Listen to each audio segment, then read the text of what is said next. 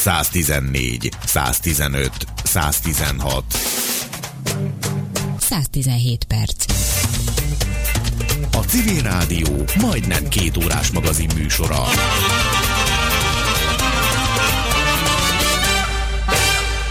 Jó napot kívánok! Kérem másolja le nekem a tegnapi napot. Annyira jól éreztem magam tegnap, hogy szeretném még egyszer átélni a tegnapot. Átélni ma is ugyanazt az érzést, a tegnapit. Mr. Van időn furcsán néz bele a vásárló és a kérő szemébe. Szívesen lemásolom, de mi lesz a mai nappal? A mai nap nem számít, ragaszkodom a tegnapihoz. Mr. Van időm teljesíti a kívánságot. Színesben kéri? kérdezi. Extra színesben, feleli. A4-es méret megfelel? Mm, legyen inkább plakát méret, válaszolja. Mekkora példányszámban kérdezi Mr. Van időm? 365 darabot kérek. Innentől fogva az egész évet a tegnappal fogom eltölteni. Köszönöm szépen. Mennyibe kerül? Legyen ajándék, mondja Mr. Van időm. Persze pontosan tudja az árát. A vásárlója így elmegy a tegnappal. Mr. Van időm marad, a mával, és ennek a ma nagyon örül. Körmeci Kriván Péter írását hallották, ő a mese taxi vezetője.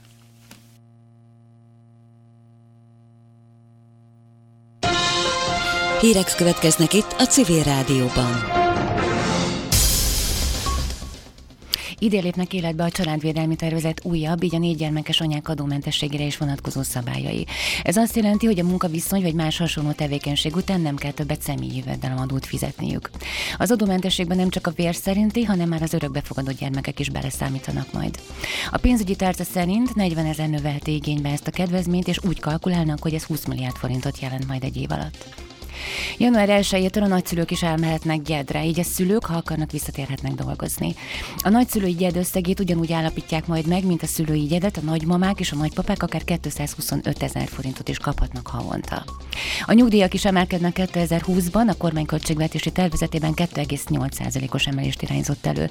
A minimál nyugdíjak esetében 800 forinttal számíthatnak többre az idősek, az átlag nyugdíj összege pedig 138 ezer forint lesz. Az öregségi nyugdíj, nyugdíj minimum pedig sajnos változatlanul 28.500 forint. Adóváltozásokra is számíthatunk a 2020-as esztendőben megszűnik a korábban rendkívüli népszerű EVA, vagyis az egyszerűsített vállalkozási adó. A kata adózóknak, illetve egyéni vállalkozóknak 2020-ban át kell majd térniük az online számlázásra. Várhatóan márciustól pedig bevezetik az azonnali banki atutálást 2020-ban, amely azt jelenti, hogy a hét minden napján jelentősen jóval gyorsabban érnek majd át az utalt összegek. 20%-kal emelkedik a szerencsejátékok ára. A lottószelvények az eddigi 250 forint helyett 360, 300 forintba kerülnek majd. Az 5-ös, a 6-os és a skandináv lottójátékokra vonatkozik ez az emelés. Drága lett cigaretta is a 2020-as esztendőben, mivel emelik a dohány jövedéki adóját. Ez körülbelül 5%-kal viheti fel a dohány termékek árat. Árat emel a Magyar Posta is 2020. január 1-től 135 forint lesz a legolcsóbb levél elküldésének díja. A benzin összetétele is megváltozik az új évben, ugyanis hazánk csatlakozott a természetesebb módon előállított üzemanyagokat használó országok közé. A 95-ös benzin bioetamol tartalma 6,1%-ra nő, januártól pedig a töltőállomásokon az E10 jelölést is megtaláljuk az ilyen típusú töltőpisztolyoknál. Nem minden régebbi autótípusnak ajánlott majd ezt az újfajta benzint használni, így a szakértők azt javasolják, hogy az autószerelő tanácsát kérjük ki. Margit híd alatti zöld bójára ráfestették a májusban felborult és tragikus körülmények között elsüllyedt hablány sétahajuk képét. Az Index olvasói küldték meg a portálnak. A zöld bójának egyébként a navigálásban van szerepe, a hajózási szabályzat szerint a vízi utakon ezzel jelölik a hajót bal oldalát, míg a piros bójával a jobb oldalt. Az ökológikát és a klímatudatosságot helyezte előtérbe Áder János újévi köszöntő beszédében. A köztársasági elnök szerint a káros hatások útlevél nélkül közlekedhetnek a Földön. Nincs teljes, egészséges emberi élet a természet egészsége és teljessége nélkül, mondta a köztársasági elnök a közszolgálati televízióban elhangzott újévi köszöntőjében. Áder János mindannyiunk személyes felelősségének nevezte a teremtett világ megőrzését, és nemzeti közmegegyezést szorgalmazott a kérdésben. Időjárás jelentés mínusz 6 fokkal indult a 2020-as esztendő hazánkban az új év első napján. Napos, száraz és csapadékmentes időre számíthatunk a Dunántúlon, és észak-keleten élénkül meg helyenként az észak-nyugati szél. Hajnalban a mínusz 6 és plusz 1 fokot pedig napközben 3 és 7 fok váltja. Január másodikára csütörtökre többfelé párás, ködös nap várható, amely keleten észak-keleten tartósan is megmaradhat. Jelentősebb légmozgásra ez nap már nem számíthatunk. A fagyos reggel követően délután 0-8 fok valószínű, holnap a tartósan ködös tájakon lesz majd hidegebb ennél. Pénteken is keleten, észak-keleten lehetnek tartósabban ködös tájak, máshol sok nap, napsütésig érkezik. A ködös, borongos tájakon mínusz 2 és 0 máshol 3 és 8 fok között alakul a csúcshőmérséklet. Szombaton egy hideg front érkezik majd hozánkba, északnyugati szelet, elszólt záporokat, hózáporokat, északkeletre pedig kisebb ónos esőt hoz. Január 6-ára ígérik a hózáport, 7-ére és 11-ére pedig egyelőre ónos esőt. De erős havazás és nagy hó nem várható. Ezt ígéri az időkép.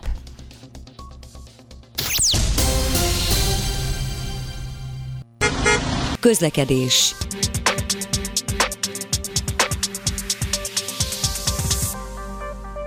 Jó napot kívánok! A fővárosban élénkül a forgalom a Pesti alsórakparton, a Hősök tere és a Clark Ádám tér környékén. A BKK járatai ma az ünnepnapokon érvényes menetrend szerint közlekednek, holnap és pénteken pedig a tanítási szünetek idején érvényes munkanapi menetrend szerint indulnak. Az M3-as metróval január 5-éig változatlanul Újpest központ és a Nagyvárad tér között utazhatnak, Kőbánya Kispest és a Nagyvárad tér között pedig az M3-as pótlóbusz közlekedik. Mától ismét jár a fénytrollibusz, illetve a karácsonyi fényvillamos is. Ma a 70-es trollibusz és a 19-es villamos vonalán utazhatnak ezekkel. Holnap reggel 8 óráig még díjmentesen lehet parkolni a fővárosi közterületeken, kivéve az őrzött várakozó helyeket, továbbá a várban lévő a Citadella alatti és a Rákóczi tér alatti mégarást, valamint a Flórián üzletközpont melletti és a Margit sziget északi részén található parkolót. Varga Etele, BKK Info.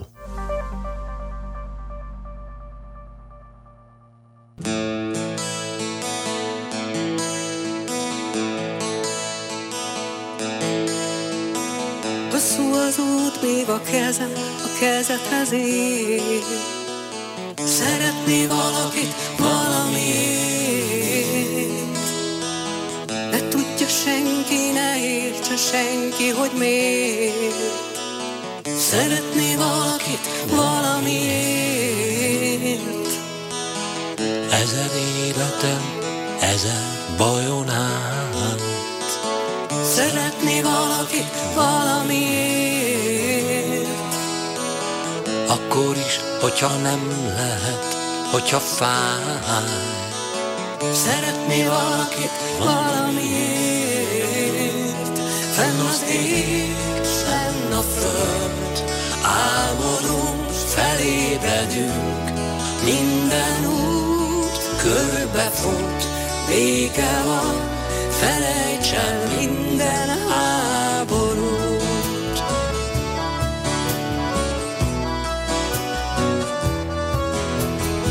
Esik a hó, és szemembe fúj a szél. Szeretné valaki valamiért. Ég a gyertya, ég, el ne aludjék. Szeretné valaki valamiért. Fenn az ég, fenn a föld, álmodunk, felébredünk, minden út körbefut, vége van, felejts el minden Az ég, fenn a föld, Álmodunk, felébredünk, minden út körbefut, vége van, felejts el minden háborút. 114, 115, 116. 117 perc.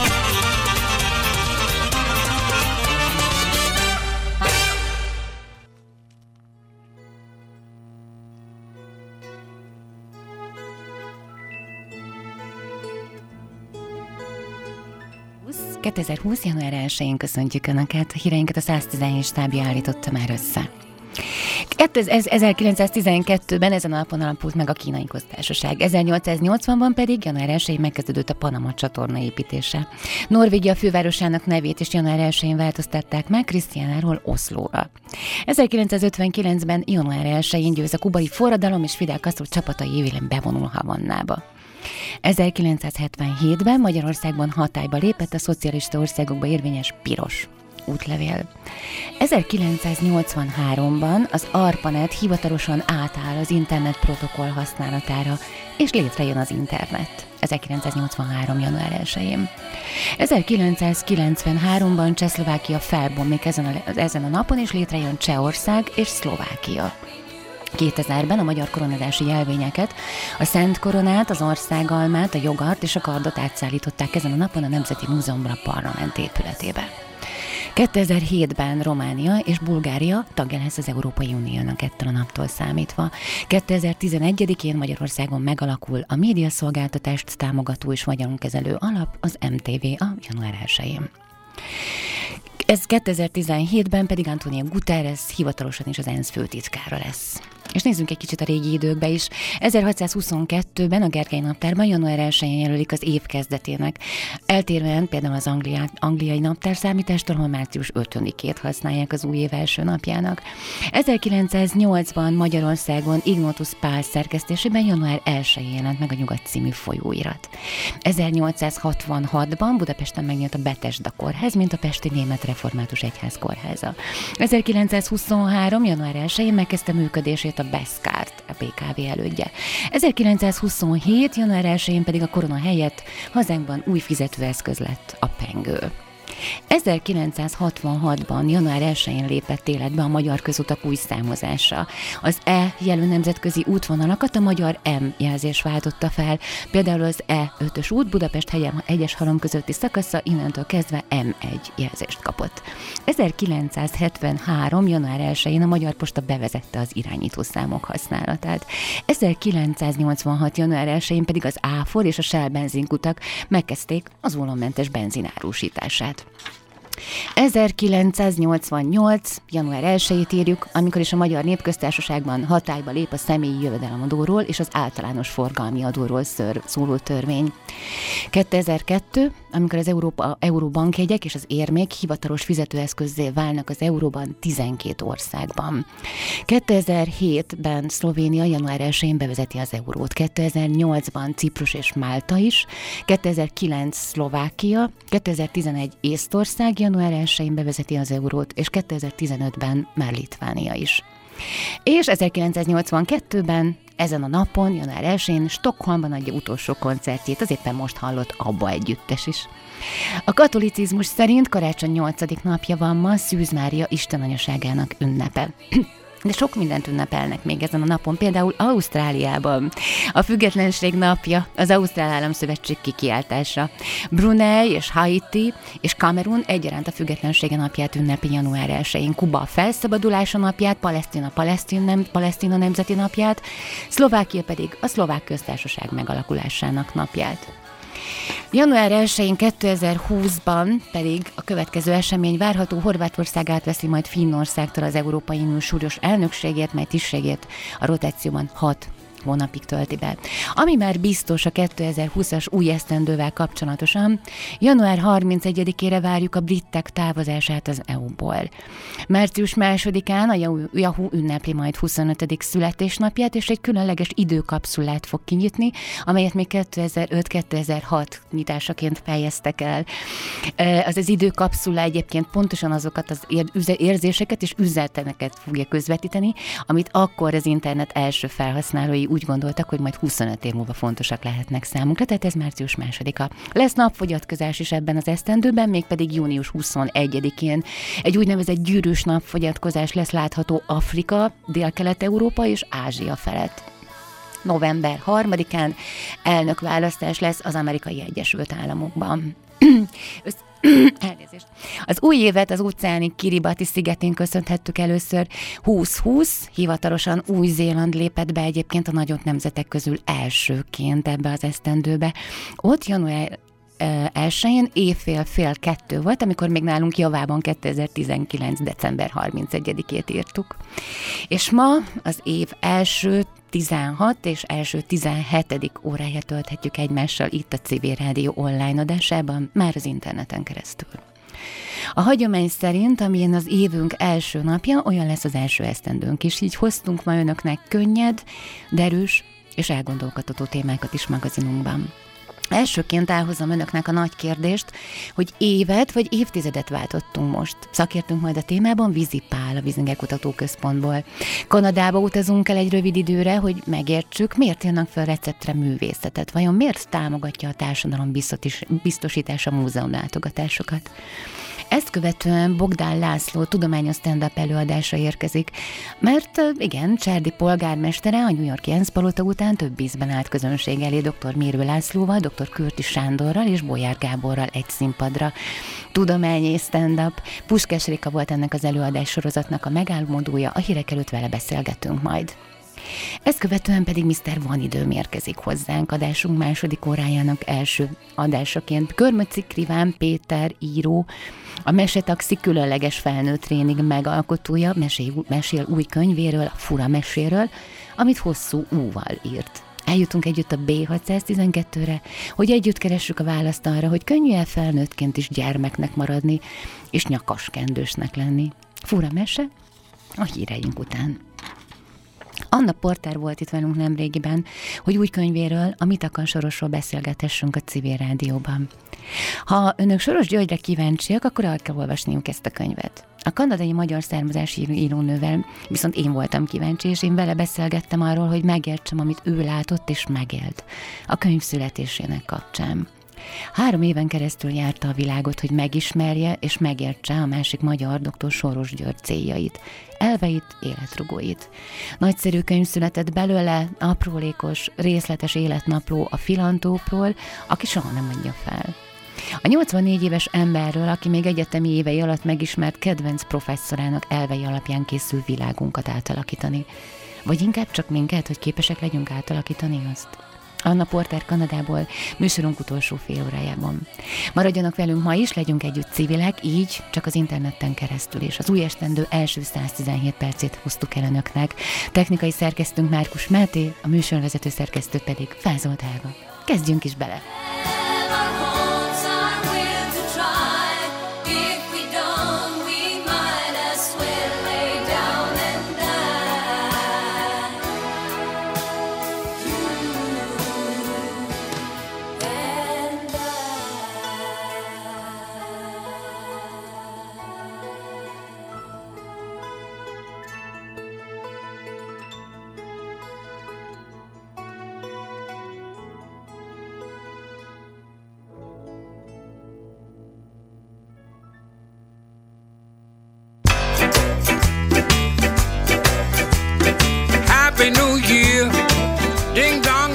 Are gonna chime. Oh, Happy New Year.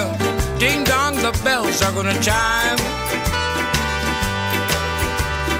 Here it comes again. We've been waiting all this time. Happy New Year. Ding dong, the bells are gonna ring.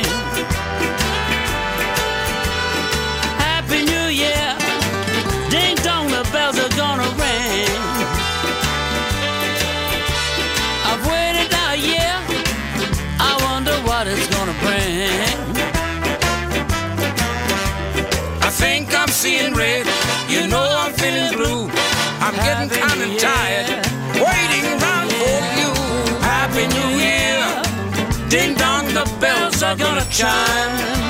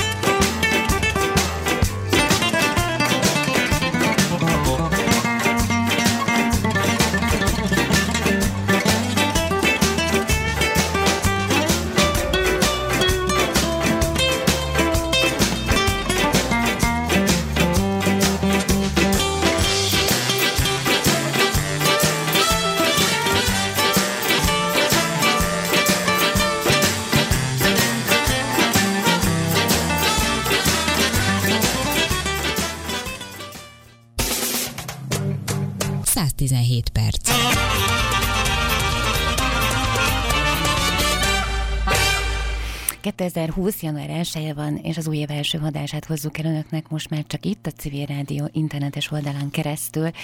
Boldog új esztendőt, vagy boldog új évtizedet kell vajon kívánnunk?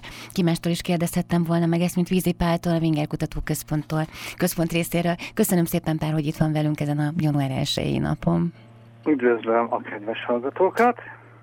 Nagy örömmel hoztam adásba, hogy megválaszoljuk ezt a kérdést. Tudom, hogy szerte ágazóan, és talán még a tejútig is elkalandozva fogunk visszaérkezni oda, hogy megtudjuk, hogy ez egy évtizedváltás volt, vagy csak egy év. Hát mm, eleve reméljük, hogy még benne vagyunk a tejút. Úgy mondjam, otthon vagyunk a témában. otthon vagyunk a tejúton. Igen, igen, igen. Én azt mondom, hogy nem fogom tudni megmondani az igazat, már olyan értelem van, hogy azt az igazat, amit elfogad mindenki, de én egyelőre azt mondom, hogy ez, ez talán nem annyira kardinális kérdés, mint viszont egy csomó ehhez kötődő dolog. Kezdjük például, hogy miért, vajon miért használjuk mi ugye ezt a nem túl kényelmes tízes számrendszert? Hát mert tíz... Soros volt a hibás, gondolom. Ne, mert mert hogy ugye tíz ujjunk van, illetve hogyha az ember egészséges, és hát ugye reméljük, hogy minden kedves hallgatónk az, van neki mondjuk 20 ujja, ugye? Ez így egyértelmű. Kezdjük el mondjuk számolni, mindenki rakja, hogyha ezt ugye teheti, akkor a maga elé a két kezét, és mondjuk a bal kész hüvelykújjal kezdjük el számolni, hogy 1, 2, 3, 4, 5, most én átmegyek a jobb kéz kisújra, 6, 7, 8, 9, 10. A 11 az mondjuk a bal kislábúj, és úgy el tudunk számolni egészen 20-ig, bezárólag a jobb kislábúig. Nem tudom, hogy ez így mennyire volt érthető. Megvan, köszönöm, követtem. a nullát tartalmazó tizedik, az már a bal lábújunk kisúja, vagy még a jobb kezünk hüvelykújja. A nullát tartalmazó tíze, nem tudom. Hát, kezdjük el újra. Jó. Hüvelykúj, 1, 2, 3, 4, 5, jobb kéz, kisúj, 6, 7, 8, 9. Hát akkor ez már a nagy lábújámhoz tartozik, ugye? Nem. Nem. Én... Nézek a technikai pultra, mindenki mosolyog, nem pont, ugye? Tehát, amelyik ugye... Csak öntől tudjuk megkérdezni. Tehát, tehát egy lényeg, hogy amelyik az, még a nullát tartalmazza, az még a kezünkhöz tartozik. De ha azt mondanánk, hogy ilyen analógiával az új, új évtized az már a, mondjuk a lábunkhoz tartozna, ez felettébb faramuci, de hogy mondjak másik példát, van egy tíz szintes emelet, vagyis, bocsánat, van egy tíz emeletes ház. Előttem a poén, lehet, hogy szándékosan. Annak hány szintje van? Ha az ember bemegy a földszinten, jó esetben az már úgy van a liftben jelölve, hogy nulla, ugye? És fönt pedig van mondjuk a tizedik. De azt, ha összeszámolom, az 11 darab szint. Na innentől kezdve már nem teljesen egyértelmű, hogy hogy vagyunk, mert hogyha egy 20 emeletes épületbe megyünk, ott bizony már a tizedik emelet az már a 11. szint. Tehát egy új dekádja van neki, de így akkor viszont a 20. emelet az már a 30.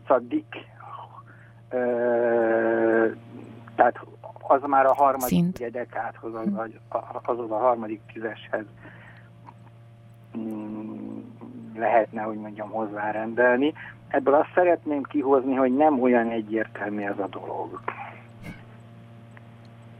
Mm, mm, abban szerintem azért mindenki egyetért, hogyha elkezdünk számolni egytől tízig, akkor mondhatjuk azt, hogy első, tehát egy, és a többi, és a többi, és így, így eljutunk a tizedikig.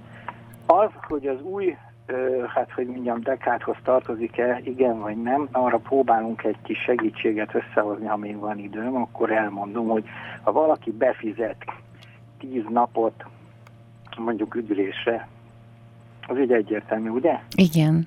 Kifizette mind a tíz napot.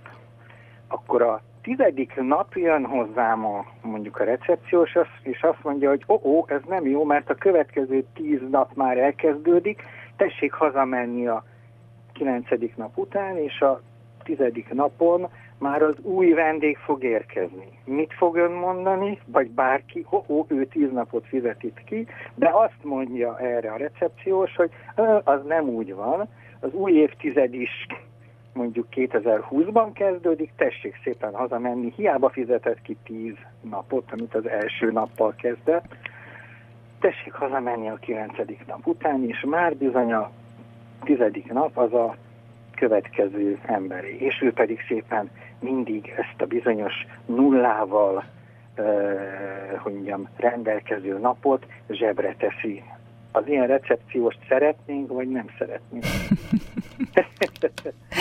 Van még ezernyi ilyen, uh, hogy mondjam, példa, pláne amikor az évszámainkat egészen másképpen próbálták ugye kiszámolni, tehát annó Domini még nem tudták, hogy az a nulladik év vagy az első év, az később lett visszaszámolva. Így az elmélet szerint az, az első évben legalábbis a pápák által elfogadott, tehát hogy a pápai zsinatok által elfogadott, amit azóta nem változtattak meg, az első évben született Jézus, akkor így gyakorlatilag, ha nem volt nulladik év, megint csak ott tartunk, hogy akkor a 2020 annó Domini tényleg egy új évtizedet fog kezdeni, na hát ezt, ö, ezt a, hogy mondjam, pert, egyfajta egy ilyen fülemüle pert, hát ugye próbálja eldönteni valaki. Hm. És akkor most mit javasol? Kezdünk új évtizedet, vagy, vagy csak egy évet indíthatunk, és majd 2021-ben indul az új évtized? Van számszakilag vesszük nézve az előbbi üdülési példát, akkor valószínűleg nem. Tehát a számok birodalmának lakói, ők azt fogják mondani, és minden ember, akinek a pénzéről van szó, ha tíz napot vagy tíz évet fizetett ki akár bérleti díjban, akkor nem lesz hajlandó el, elhagyni ugye a kilencedik év, vagy pedig a kilencedik napnak a lejártakor az adott helyszínt. Tehát így, ha azt mondjuk, hogy elszámolásügyileg, matematikailag a 11. vagy pedig a 21. évnek a kezdete, tehát 2021. január 1-e 0 óra 001 tehát hogy 0 óra, 0 perc, első másodpercben fog kezdődni ugye a következő évtized, de például a politikusok szerint, mint mondjuk Angela Merkel szerint már elkezdődött az új évtized, erről ennyit. Hm, nagyon szépen köszönöm, és egyébként most, a, ahogy ugye az évszázad, illetve az évezred változások voltak, akkor ugye mindig szó volt arról, hogy ez a technikában is okoz majd problémákat, megáltalásokat, akkor ebben az esetben az évtizedre ez már nem vonatkozik, illetve ha vonatkozna sem innen számítódna, hanem majd a jövő év elejétől, ha jól értem. E, igen, tehát tulajdonképpen a számítástechnika az azért elsődlegesen a matematikát tekinti az alapjának. Mm. Nem így lenne, akkor kellemetlen lenne.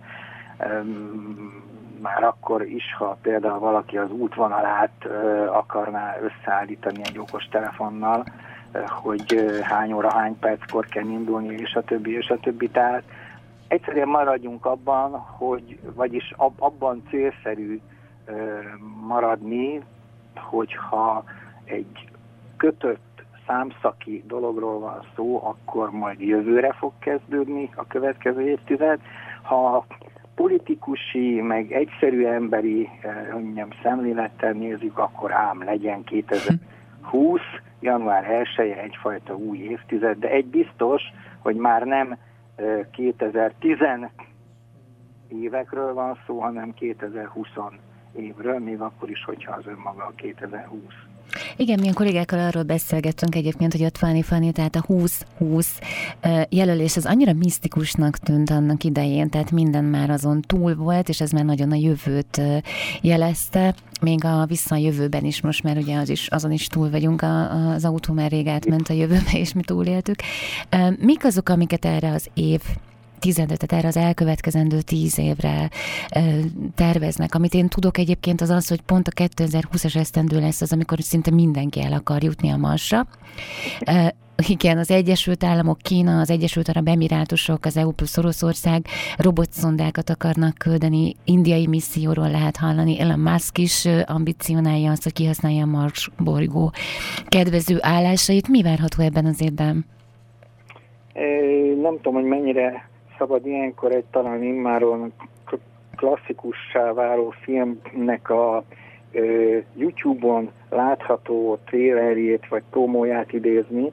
Ez nem más, mint amikor a Prometheus nevű ö, filmben ugye az ifjú Weiland ö, egy nagy ilyen sportarénához ö, hasonló helyen elmond egy szép kis beszédet, amiben azt mondja, hogy a fúzió, akkor a nanotech, biotech, és a többi, és a többi, és ez még csak a first decade, tehát ez még csak az első mm, évtized.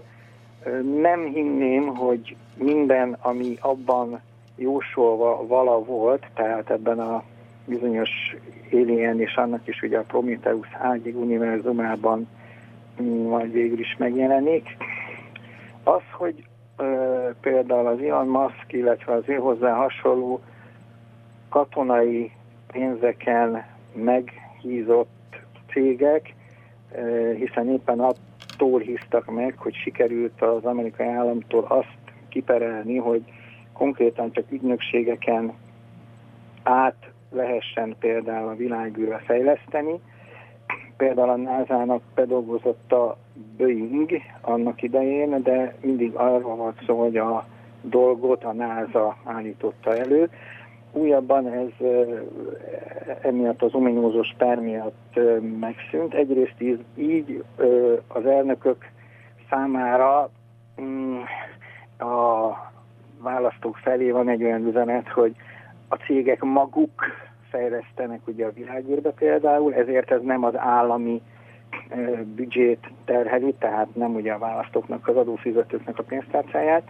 Most innentől kezdve, hogy maguk felé irányítsák ugye a figyelmet, nyilván kell nekik olyan jellegű dolgokat mondani, amik jó célok, vagy legalábbis ugye jónak hangzó célok. Ugyanakkor, ha azt mondjuk, hogy ö, ismét azt kell ugye mondani, hogy részben ugye a katonai befektetésekből meggazdagodott cégek akarnak menni a Marsra, akkor némi mm, környezetvédelmi félelmünk is adódhat, hogy nem csinálnak-e ott valamiféle fajta galibát, tehát mm. például nem lenne jó, hogyha egy olyan űrhajó, ami vagyis egy olyan űrakéta, amelyik nem tud jól elindulni, vagy esetleg ne adj Isten elér odáig, de ott például a célnál ugye felrobban, ne adj Isten egy olyan helyen, ahol mondjuk élet lehetett a Marson, vagy életnyomok, és azokat esetleg elpusztítja, tehát ilyen, tehát hogy amikor éppen leszáll, akkor történik avval az űrakétával, valami mondjuk egy marsi élet lelőhely fölött, mellett, alatt, és a többi, és a többi, akkor ez nem lenne jó az összemberiség számára se, és utána ö, valószínűleg annak se lenne jó, aki oda megy, mert akkor hát ö, nyilván egy összharag ugye zúdulna rá mm, emiatt, és hát ezért mm, hát ezek a dolgok igen-igen átgondolandóak. De hát most éppen olyan állapotban van az emberiség, amikor mm, még akár az is lehet, hogy az USA elveszti az abszolút dominanciáját, ehhez persze próbál olyan lépéseket, amivel hát ugye mégiscsak újra meg tudja szerezni, és a többi, és a többi, és akkor egy-két ilyen meggondolatlan dolog lesz, de például most aktívan a kínaiak vannak ott a Holdon, ráadásul a Holdnak a túlsó oldalán, Elon Musk ide, Elon Musk oda, szóval mm, ezek igen-igen elgondolkoztató dolgok. Beszélgessünk akkor Ollá az esztendőben. Velünk tart a TV Rádió online internetes oldalán keresztül, és hogy erről beszélgethessünk. Ö, igen, én ott vagyok most is az egyik fülemen rajta van némi késéssel maga az élőmű Mhm. is, és én felől nem ott lehetek. Nyilván most lejárt az időnk, és Igen. neki, hogy, hogy viszont azért megkeresett ez ügyben. Igen, az első 16 óra, az, az idei év első 16 órájának 35. percét töltjük együtt ebben az esztendőben, és töltöttük együtt. De akkor hívnám önt, és kérném, hogy jöjjön velünk adásra az internetes elérhetőségünkön keresztül, és, és nagyon örülök, köszönöm szépen, hogy velünk volt. Köszönöm szépen én is a legjobbakat mindenkinek. Vízipál, Wigner Kutatóközpont, az új év, új évtized.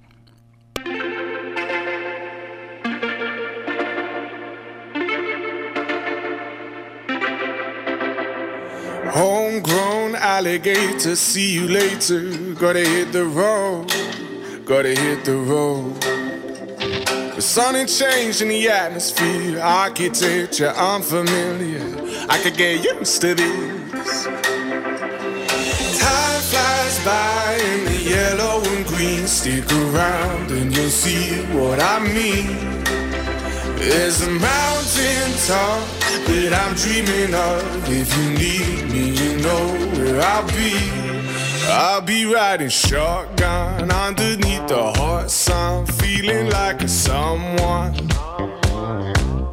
I'll be riding shotgun underneath the hot sun, feeling like a someone. South of the equator, navigator. Gotta hit the road, gotta hit the road. Deep sea diving round the clock, bikini bottoms, lager tops. I could get used to this. Time flies by in the yellow and green. Stick around and you'll see what I mean.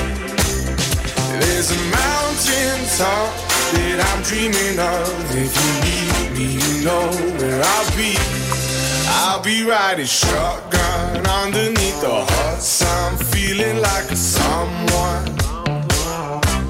I'll be riding shotgun underneath the hot sun, feeling like a someone.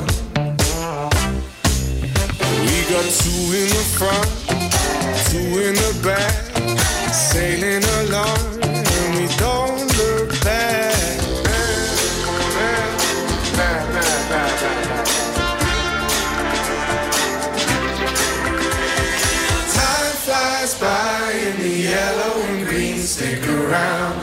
see what I mean. There's a mountain top that I'm dreaming of. If you need me, you know where I'll be. I'll be riding shotgun underneath the hot sun, feeling like a someone.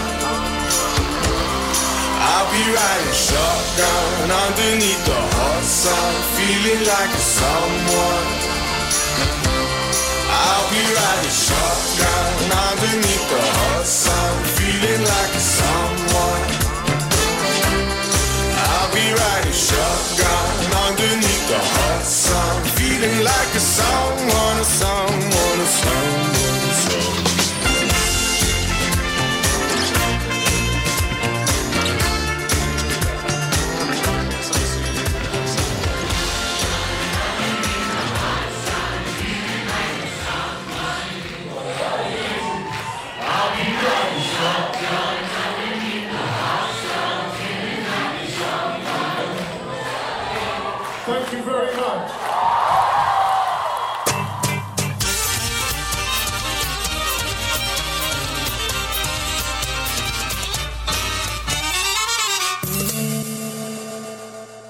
Ez itt a 117 perc, a Civil Rádió délutáni magazin műsora. A mikrofonnál a mai szerkesztő Felzolt Helga. Folytatjuk ma délutáni, majdnem két órás magazinunkat. Egy szög miatt a patkó elveszett. A patkó miatt a ló elveszett, a ló miatt a lovas elveszett, a lovas miatt a csata elveszett, a csata miatt egy nemzet elveszett. Máskor ügyel jobban, vert be a patkószeget jól. Ez az észak-amerikai kis versike jutott eszembe, amikor Csanádi Judit professzorasszonyjal beszélgethettem. Egy meglepő, de hétköznapi témát hoztam számára, és kértem hozzá szakértő véleményét. Messzágazóan és varázslatosan válaszolt. A hírt, amit megosztottam vele, és most önökkel is, a következő volt. Múzeumlátogatást írhatnak fel a betegeknek terápiás célral a Montreali orvosok, jelentette be a Kanadai Orvosi Egyesület és a Montreali Szépművészeti Múzeum. A francia ajkú Kanadai Orvosok Egyesületének és a múzeumnak ez a közös projektje a maga nemében első és egyedülálló a világon. Itt van velünk a vonalban Csanádi Judit, a Képzőművészeti Egyetem professzorasszonya és egykori első női rektora, az Artus Stúdió kiállító termének vezetője. A Kanada az élhető országok legjobbika. Ezt komolyan, nagyon-nagyon komolyan mondom, és Montreal szerintem a legeslegjobb város a világon. Ami egyesíti mindazt, amit a emberiség ma optimálisan gondolni tud Érted? Szóval nem ö, kritizálom azt, aki nem úgy gondolkodik, mint én, egyáltalán nem. Mert nekem nagyon sok hívő, katolikus, református, evangélikus, mindenikus barátom létezik. Messze azon a rétegen fölül van a szeretetteljes figyelem teli kapcsolat, mint ahol ez a hitféle kérdés van, bár sokan azt gondolják, hogy a hit sok minden fölött áll, de nem. De nem. És mert szerintem iszonyatosan fontos, hogy, hogy tudjuk azt, hogy egy demokrácia az nem úgy egy csapásra magától jön létre. Szóval a kanadai demokráci, demokráciánál tisztábbat nem lehet elképzelni, mert mindenki emigráns, aki mm. nem indián. És az indiánok vannak a legnehezebb helyzetben, mert ö, rengeteget tesz érte a kanadai politika, társadalom és tudat, tehát a hétköznapi kanadai tudat is tudja, hogy, hogy neki ezzel tennivalója van, és ez nem úgy van, hogy, hanem tennivalója van vele. Tudni kell, hogy a kanadai Magyarország és a lakossága az pedig két és fél háromszoros a Magyarországénak. Tehát vannak olyan területek, ahol sok kilométeren egy-egy ember lakik. Tehát nem, nem vicc ez a be kell nézni a legközelebbi lakóhoz, ez be van osztva, hogy ki kire figyeljen, hogyha valami probléma van, akkor tudjon segíteni, vagy tudjon segítséget hívni. Az én gyerekem az alatt a két és fél év alatt, amíg oda jártunk, és ő akkor volt 8 éves és 9 éves és 10 éves, az alatt a két tanév alatt megtanulta a, a nem, olyan természetesen azt, hogy a szemetet hogy kell szortírozni, és hogy a szemetelés az nagyon ártalmas mindenkinek, hogy hogy kell figyelni a másikra, aki világ minden színéből való ember volt az osztályában, és mindegyiknek meg volt a problémája, hogy hogyan alkalmazkodjon ahhoz a társadalomhoz, amiben most élni fog. És akkor még egy történet, hogy a múzeumhoz érjek, mint gyógyszerhez, az, hogy Montrealnak a leglepukadtabb városrészét a 70-es években, ami azért nem annyira rohadt rég volt. Úgy hozták rendbe, és azt hiszem, hogy a világnak a legszociálisabb, legaktívabb, és ahhoz képest legdrágább lakóterülete lett, hogy a helybeli lakók számára lehetővé tették, hogy amennyiben ők valahogy rendbe hozzák a lakóhelyüket, akkor új vállalkozást, ha indítanak, akkor annak az adóját elengedi a helyi önkormányzat. Mind gombamód szaporodtak a vállalkozások. És olyan picike vállalkozások, hogy ketten. Tehát, hogy csináltak egy csokoládégyárat, csináltak egy virágboltot, ahol könyvet is árultak, egy kávézót csináltak, és ami a kedvencem, hogy csináltak egy olyan napközit, ahol nyugdíjas napközi és óvoda együtt volt. Hmm. Tehát a napközis öregek vigyáztak a napközis óvodásokra. És teszik őket sokkal tovább élőké az életüknek, értelmet adnak, és hát bizony van köztük, oda van delegálva nyilván egy dada meg egy óvónő, akik szakszerűen ellátják azt, amit kell, de a lényeges időtöltést, a tartalmasságot, azt ezek az öregek biztosítják, képzeld el. Tehát nem nagyon csodálkozom ezen a múzeumon, mint gyógyszeren, azután, hogy ott már 40 évvel ezelőtt létezett ilyen napközi öregek otthona and the together. Hm. Szóval ez a talán nem is kell ezt elmagyarázni, meg megfogalmazni, mert ez annyira világos, hogy egészen máshogy néznek az emberek egymásra. Nem harc az élet, nem egy állandó győzködés, hogy én nem akarok veled kiszúrni, hanem éppen, hogy fordítva figyellek, nem akarok tőled semmit, én csak figyellek, hogy milyen vagy, mert egy másik embernél érdekesebb azért a világon nem nagyon van. Ezt azért úgy lássuk be így 60 évvel a hátunk mögött. Ez gyönyörű gondolat. Hát nem, hát semmi nincs érdekesebb. Hát én tanítok most már azóta, hát Kanada óta tanítok, ott kezdtem el tanítani a díszlettervezés mellett, és álló díszlettervező vagyok, bocsánat, eredendően építész, vagy így, egy ilyen ember mondja ezt, de hát tényleg semmi más érdekes nincsen, mint a másik ember. Hm. És egy, tehát a múzeum, mint gyógyszer, az egy olyan máslét. Nem ebben a világban vagy, szépen egy pillanat alatt kiemel, ahogy áttépsz a kapun, és befizeted a, hmm, hát hol drága, hol nem drága belépőjegyet, de a múzeumban talán nem is drága a belépőjegy. Ott vagy abba, ami az élet értelme. Valóban gyógyszer. Meg kell tanulni egyébként szerinted múzeumul gondolkodni? Tehát, hogyha valaki terápiaként megkapja ezt kint Kanadában, hogy, hogy egyszerűen kapcsolódjon ki, töltődjön föl, szerezzen magának teljesen új benyomásokat, meg kell tanulni? Tehát kell hozzá valami segítség?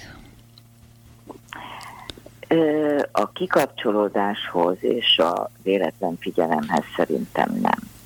A műértés az egy egészen más mhm, történet. Uh-huh. Igen, igen, valóban. Az egy egészen más történet, szóval én abszolút ö, ö, el tudom képzelni, mint ahogy most a nem sokára hat éves lesz unokámat, biztos elviszem a Leonardo rajzokra, és nem azért, hogy műértelmet tanuljon.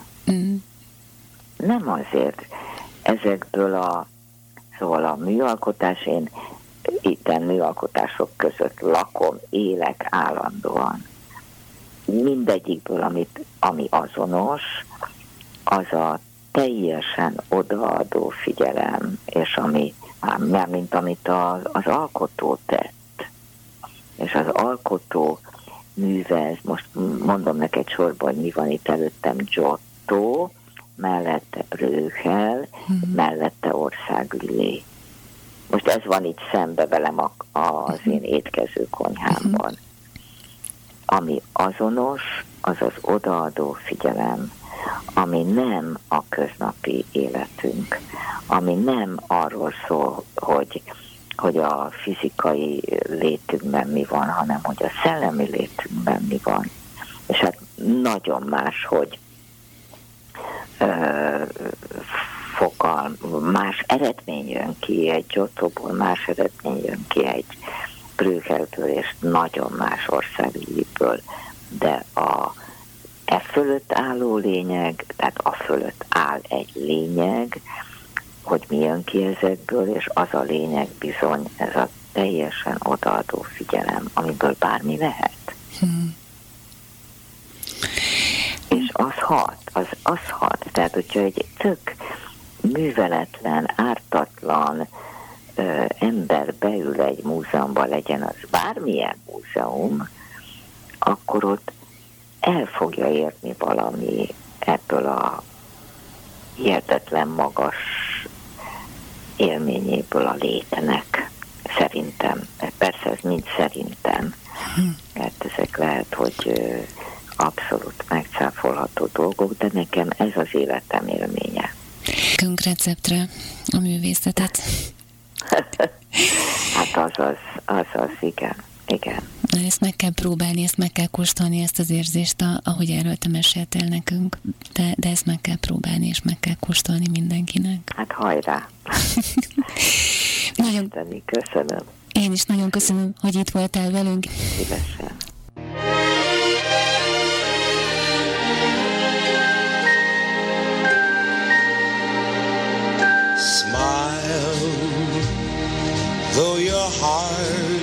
Is aching. Csanádi Juditot hallották, a Képzőművészeti Egyetem professzor When there are clouds in the sky, you'll get by. If you 114, 115, 116. 117 perc. A Civil Rádió majdnem két órás magazin műsora.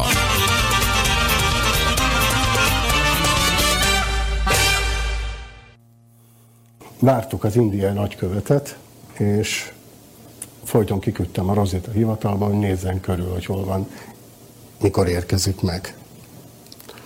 Rozikám nem vette észre a parkolóba, hogy ott áll egy fekete Mercedes, India és a magyar zászló rajta, csak azt vette észre, csak azt vette észre, hogy egy sötétbőrű alak az utcán sétál, és mindenkire mosolyog. Bejön az irodába, Rozi elmondja nekem, László, László, baj van, baj van, baj van. Mi lehet a baj? Itt a nagykövet, nincs.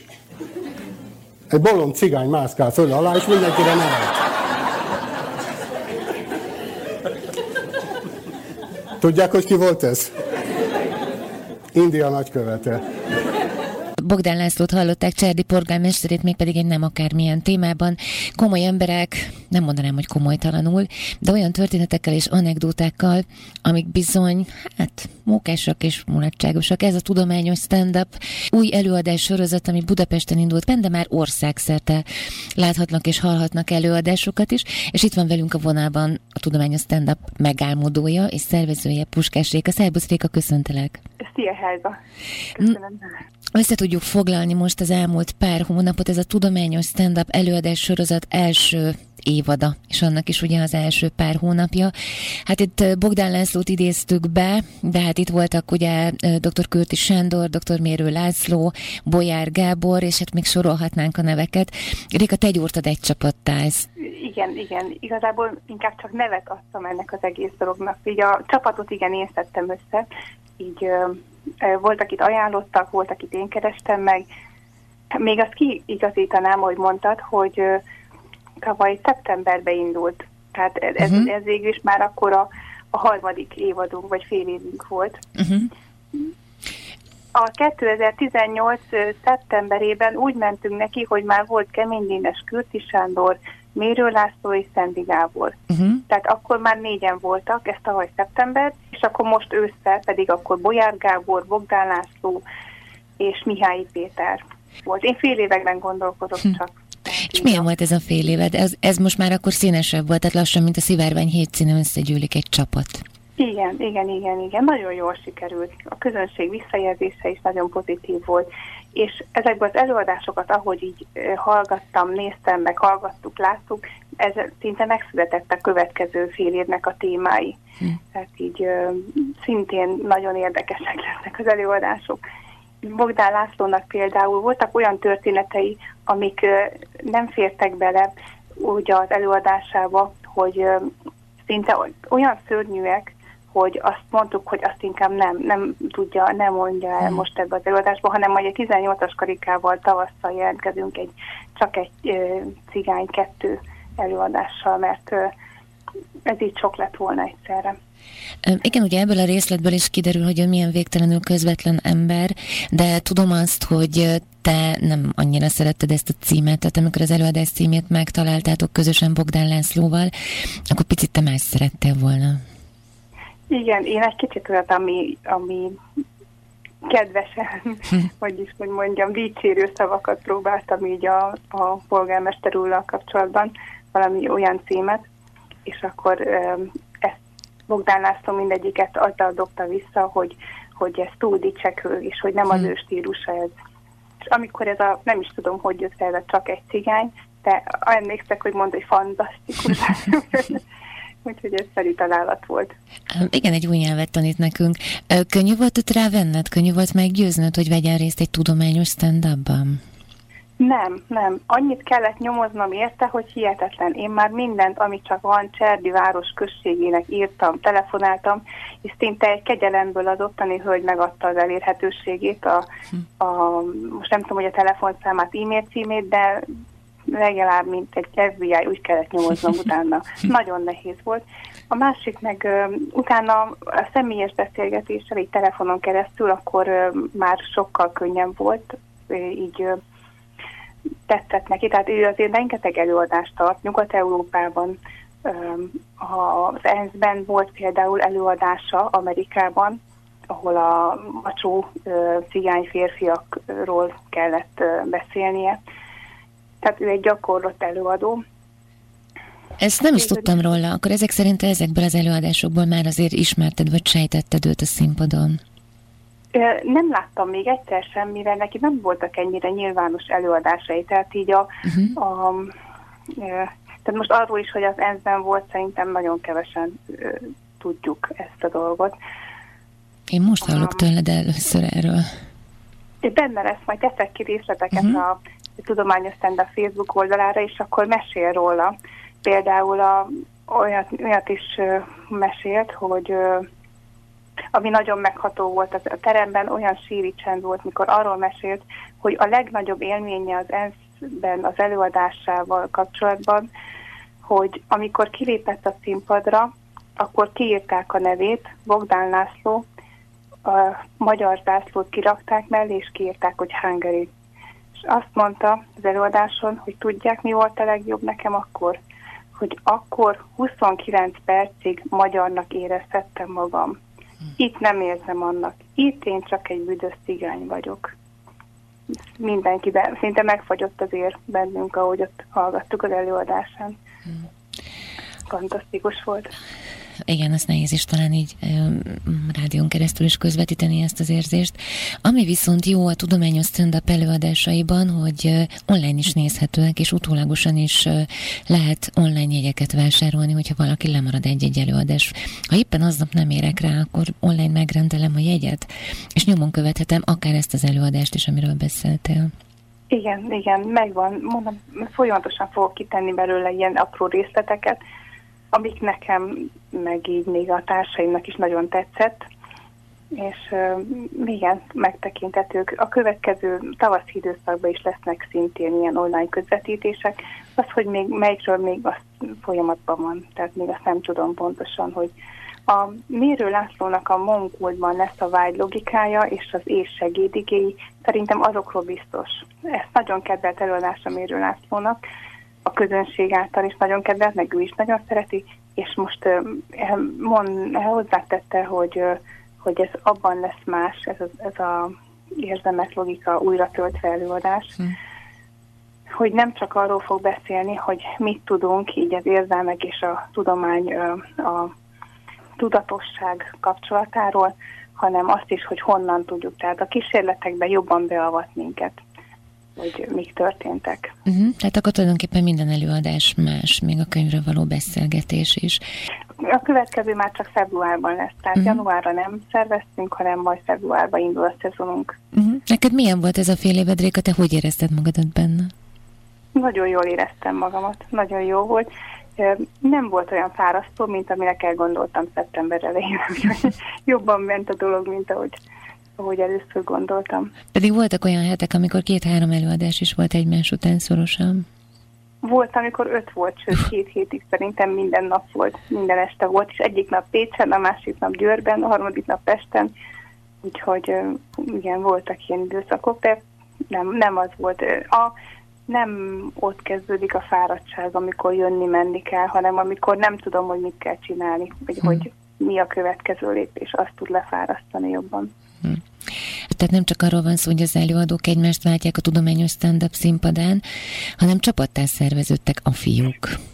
I- igen, tehát eleve olyan emberek ők, akik tehát valamilyen szinten kapcsolatban állnak ők egymással, de... De ismerik egymást inkább, ugye? Ismerik mm. egymást, de hogyha nem ismerik egymást, akkor pedig szeretnék egymást megismerni. Mm. nagyon sokszor az van, hogy hogy eljönnek egymás előadására. Például a Bogdán László előadásán ott volt Mérő László. Hm. Bogdán László, amikor voltam megbeszélni legelőször a dolgokat Cserdiben, akkor meglent volt Kürti Sándor. Tehát eleve már itt születnek ismertségek. A Bogdán Lászlótól hallottam, hogy például Kemény Dénes nagyon szeretné megismerni, úgyhogy majd szerintem biztos majd el fog jönni, vala, vagy valamelyikőjük, a, vagy a Bogdán László jön el Kemény Dénes előadására, vagy pedig fordítva. Uh-huh. Én nem tudom, de, de ez így, így igen, tehát ők is, nekik is megvan az igényük a másikra, hogy megismerjük egymást. Hát nagyon jó és szórakoztató fél évet köszönhetünk neked, Réka 2019-ben itt Budapesten és vidéken is, most már akkor számos helyszínen. A tudományos stand-up, tehát tsu.hu oldalon keresztül lehet követni az eseményeket, illetve van egy külön Facebook oldalad is, ahol megosztod ezeket a híreket és részleteket is a beszélgetésekből. És akkor még azt mondjuk már kérlek még egyszer, hogy azok, akik lemaradtak az előadásról, online jegyet hol tudnak vásárolni, és hol tudják esetleg újra nézni. A TSU honlapján van egy olyan menü, hogy közvetítési oldalak, és akkor a videótéka részen, tehát ott meg lehet találni. Ez a tsu.hu honlapja, hogyha fölmennek, akkor egyszerűen meg lehet találni. És akkor online tudnak jegyet is vásárolni? Igen, igen, igen, és akkor azonnal indítható, egy hétig visszanézhető, úgyhogy ha valaki esetleg szeretné többször megnézni, akkor arra is van lehetőség. Puskásséka, nagyon szépen köszönöm, hogy itt voltál velünk, és hát kezdjünk is bele boldog új esztendőt a jövőnünk számodra a tudományos stand -upnak. Köszönöm. Önöknek is.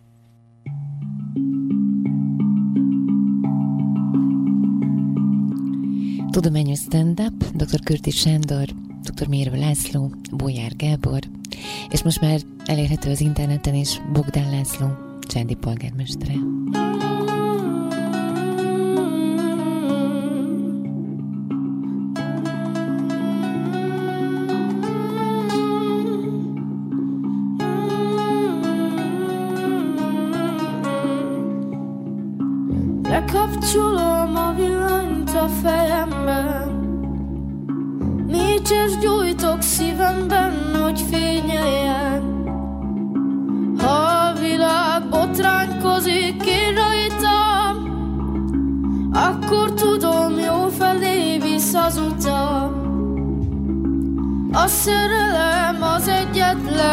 Igazság az eget is szerelemmel ragasztják. Hanem azzal a csillag is ne pottyam Kőtáblává hasad széjjel a porban. Megszületni világra a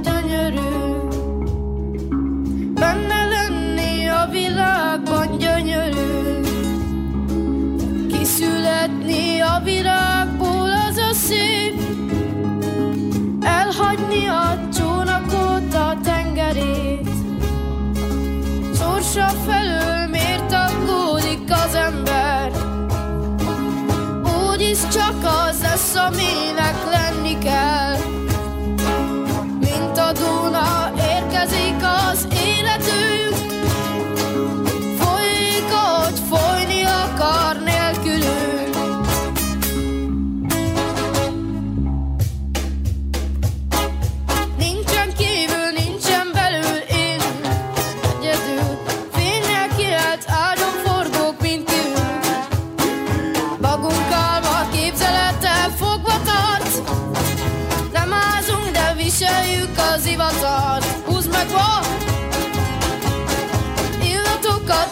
megtagadni, de nehéz. Rántott hús és boca virág az ebéd. Azt álmodjuk, hogy sírunk és nevetünk. Ágyunk fölött, mint a fecske fecsegünk. Van Mennyország és a síron nő virág. Föl kell a nap, minden reggel ragyog ránk. Dirib darab, kimszugja a madár. Napról napra áll. Hírek következnek itt a Civil Rádióban. 2020. január 1 van, köszöntjük Önöket itt a www.civilradio.online adásán keresztül. Besnyő Gyöngyvér hozott ma számunkra híreket, ő segíti a 117 percet. Magyarországon minden makromutató kedvezően alakult 2019-ben, mondta Csat Magdolna közgazdász. Kiemelte azt is, hogy technológiai forradalom zajlik.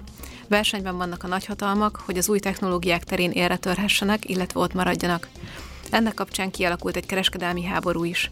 Az Egyesült Államok megpróbálja Kína gazdasági növekedését visszafogni.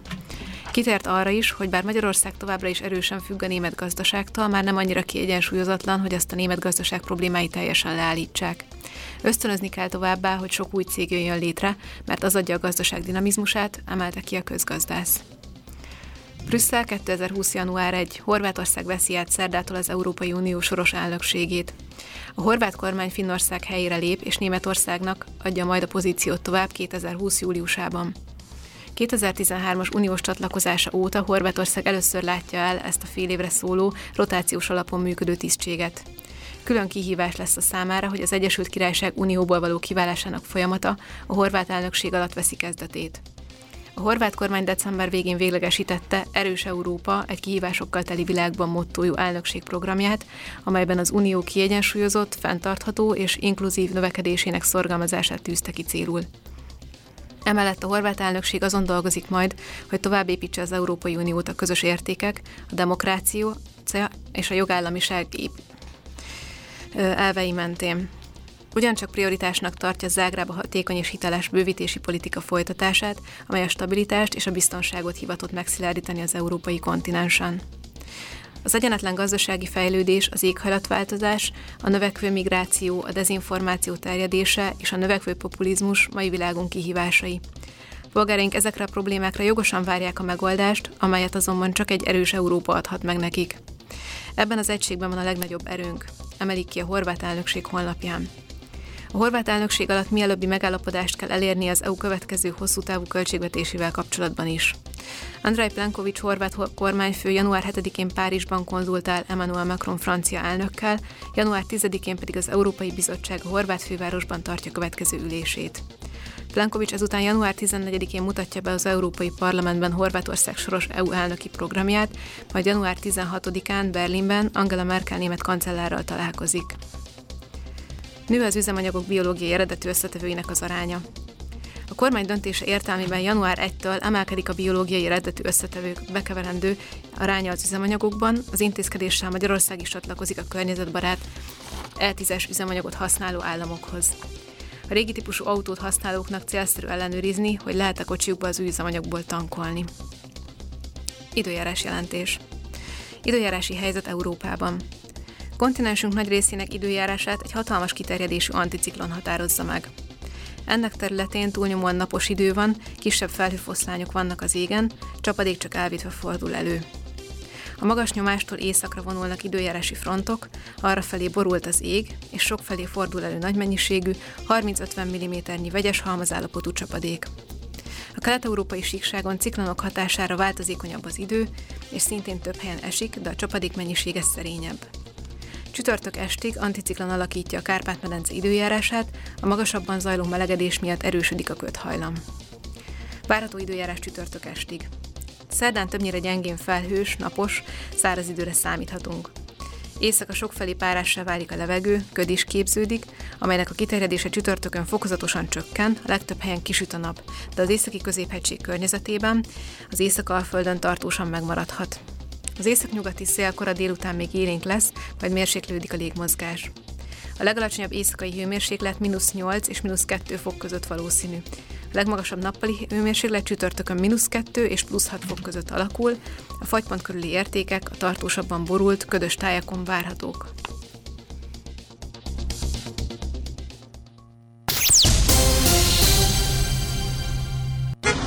Közlekedés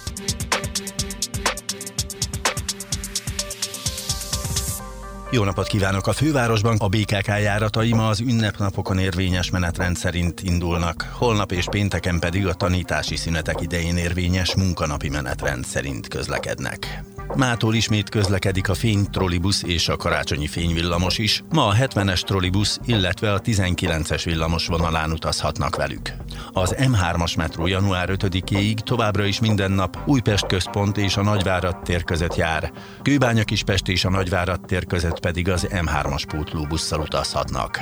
A D2-es hajójárat ma, holnap és vasárnap délelőtt fél tíztől este fél hétig, pénteken és szombaton meghosszabbított üzemidővel szintén délelőtt fél tíztől este 8 óráig közlekedik. 30 percenként indul a Kossuth Lajos tér, Battyányi tér, Várkert bazár, Petőfi tér útvonal érintésével. Január másodikán, tehát holnap reggel 8 óráig változatlanul díjmentesen lehet parkolni a fővárosi közterületeken. Varga Etele, BKK Info.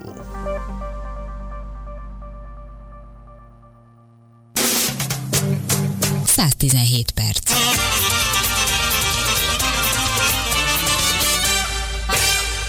Kezdjünk egy előszóval. Egy előszóval, ami azért fontos, hogy kihegyezd a figyelmet magadban. A figyelem könnyen tompa lesz, főleg ha keveset használod. A figyelem annál élesebb, minél többet használod. Kihegyezett figyelemmel nem csak a szavakat fogod megtalálni, a szavak között ugyanis lyukak vannak. Figyelj!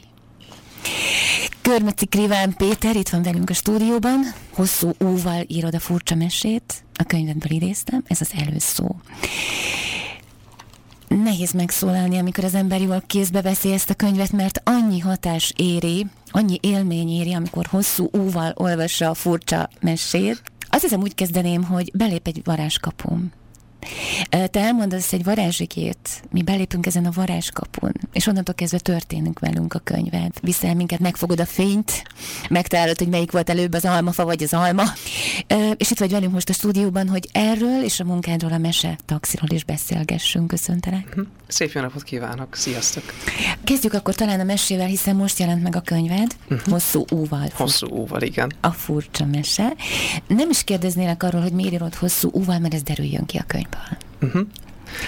Egyébként az alcímben benne van, hogy hosszú ú, az csupán a kölyök szerint hosszú ú.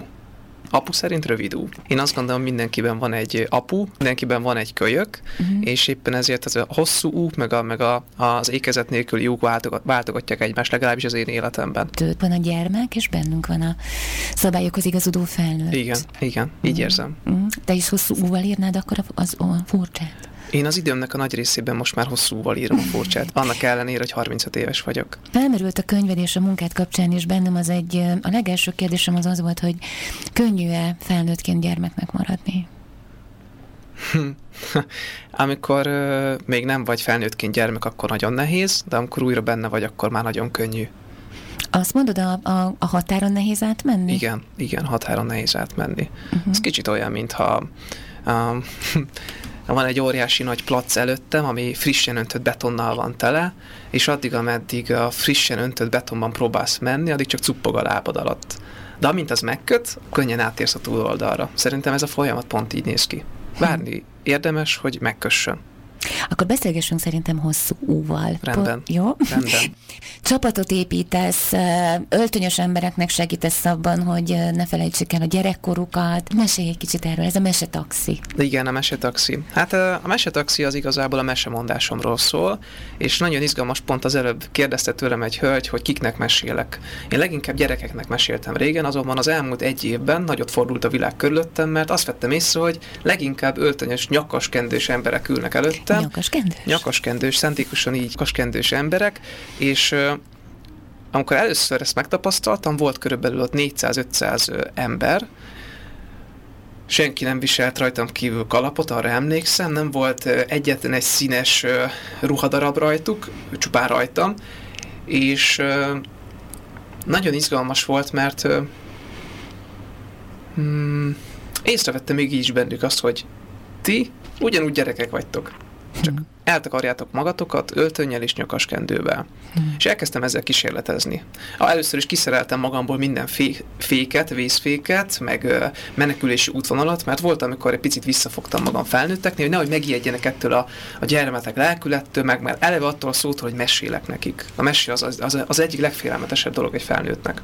Hmm. És ö, elkezdtem mesélni, és az a tapasztalat, hogy körülbelül 5 perc, 5 perc alatt képesek az emberek levenni a, az öltönyt magukról, és hogy akkor kendőt. 5 perc, igen. Valamikor csak azt mondom, hogy egy perc. Ezt a, úgy tudom megcsinálni, hogy rendkívül pimasz, provokatív, és ö, ö, pozitív sok hatást okozó személyként lépek fel a színpadra. Igen. Na mesélj, pozitív sok hatás. Igen, elmentem múltkor egy céghez, ott ültek öltönyben, és nem tudták róla, hogy én érkezem, meglepetés voltam. Körülbelül 35-38 emberről van szó.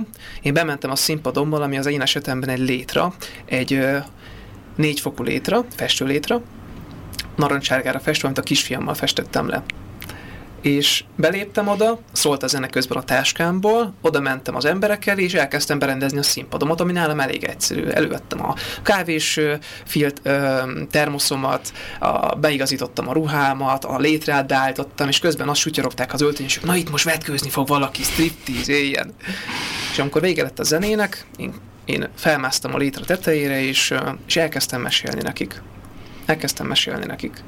És nem sokkal később azt láttam, hogy a, a szem, a tekintet kezd megváltozni bennük, furcsán csillogni, könyvtől csillogni. És azért volt izgalmas, mert ugye azzal poénkodtak, hogy én majd vetkőzni fogok, mert hmm. akkor már persze tudták utólag, hogy én mesemondóként jövök oda, vagy csapatépítőként, teljesen mindegy, ezek csak matricák. De a lényeg az, hogy a műsor közepére körülbelül ők voltak mesztelenek előttem, nem ruházatra gondolok, hanem elsősorban az ő felnőtt szokásaikra, berögzültségükre, meggyőződéseikre, hitrendszereikre, és mind elment egy pillanat alatt. Erre képes a mese. Nem én, a mese. Hm.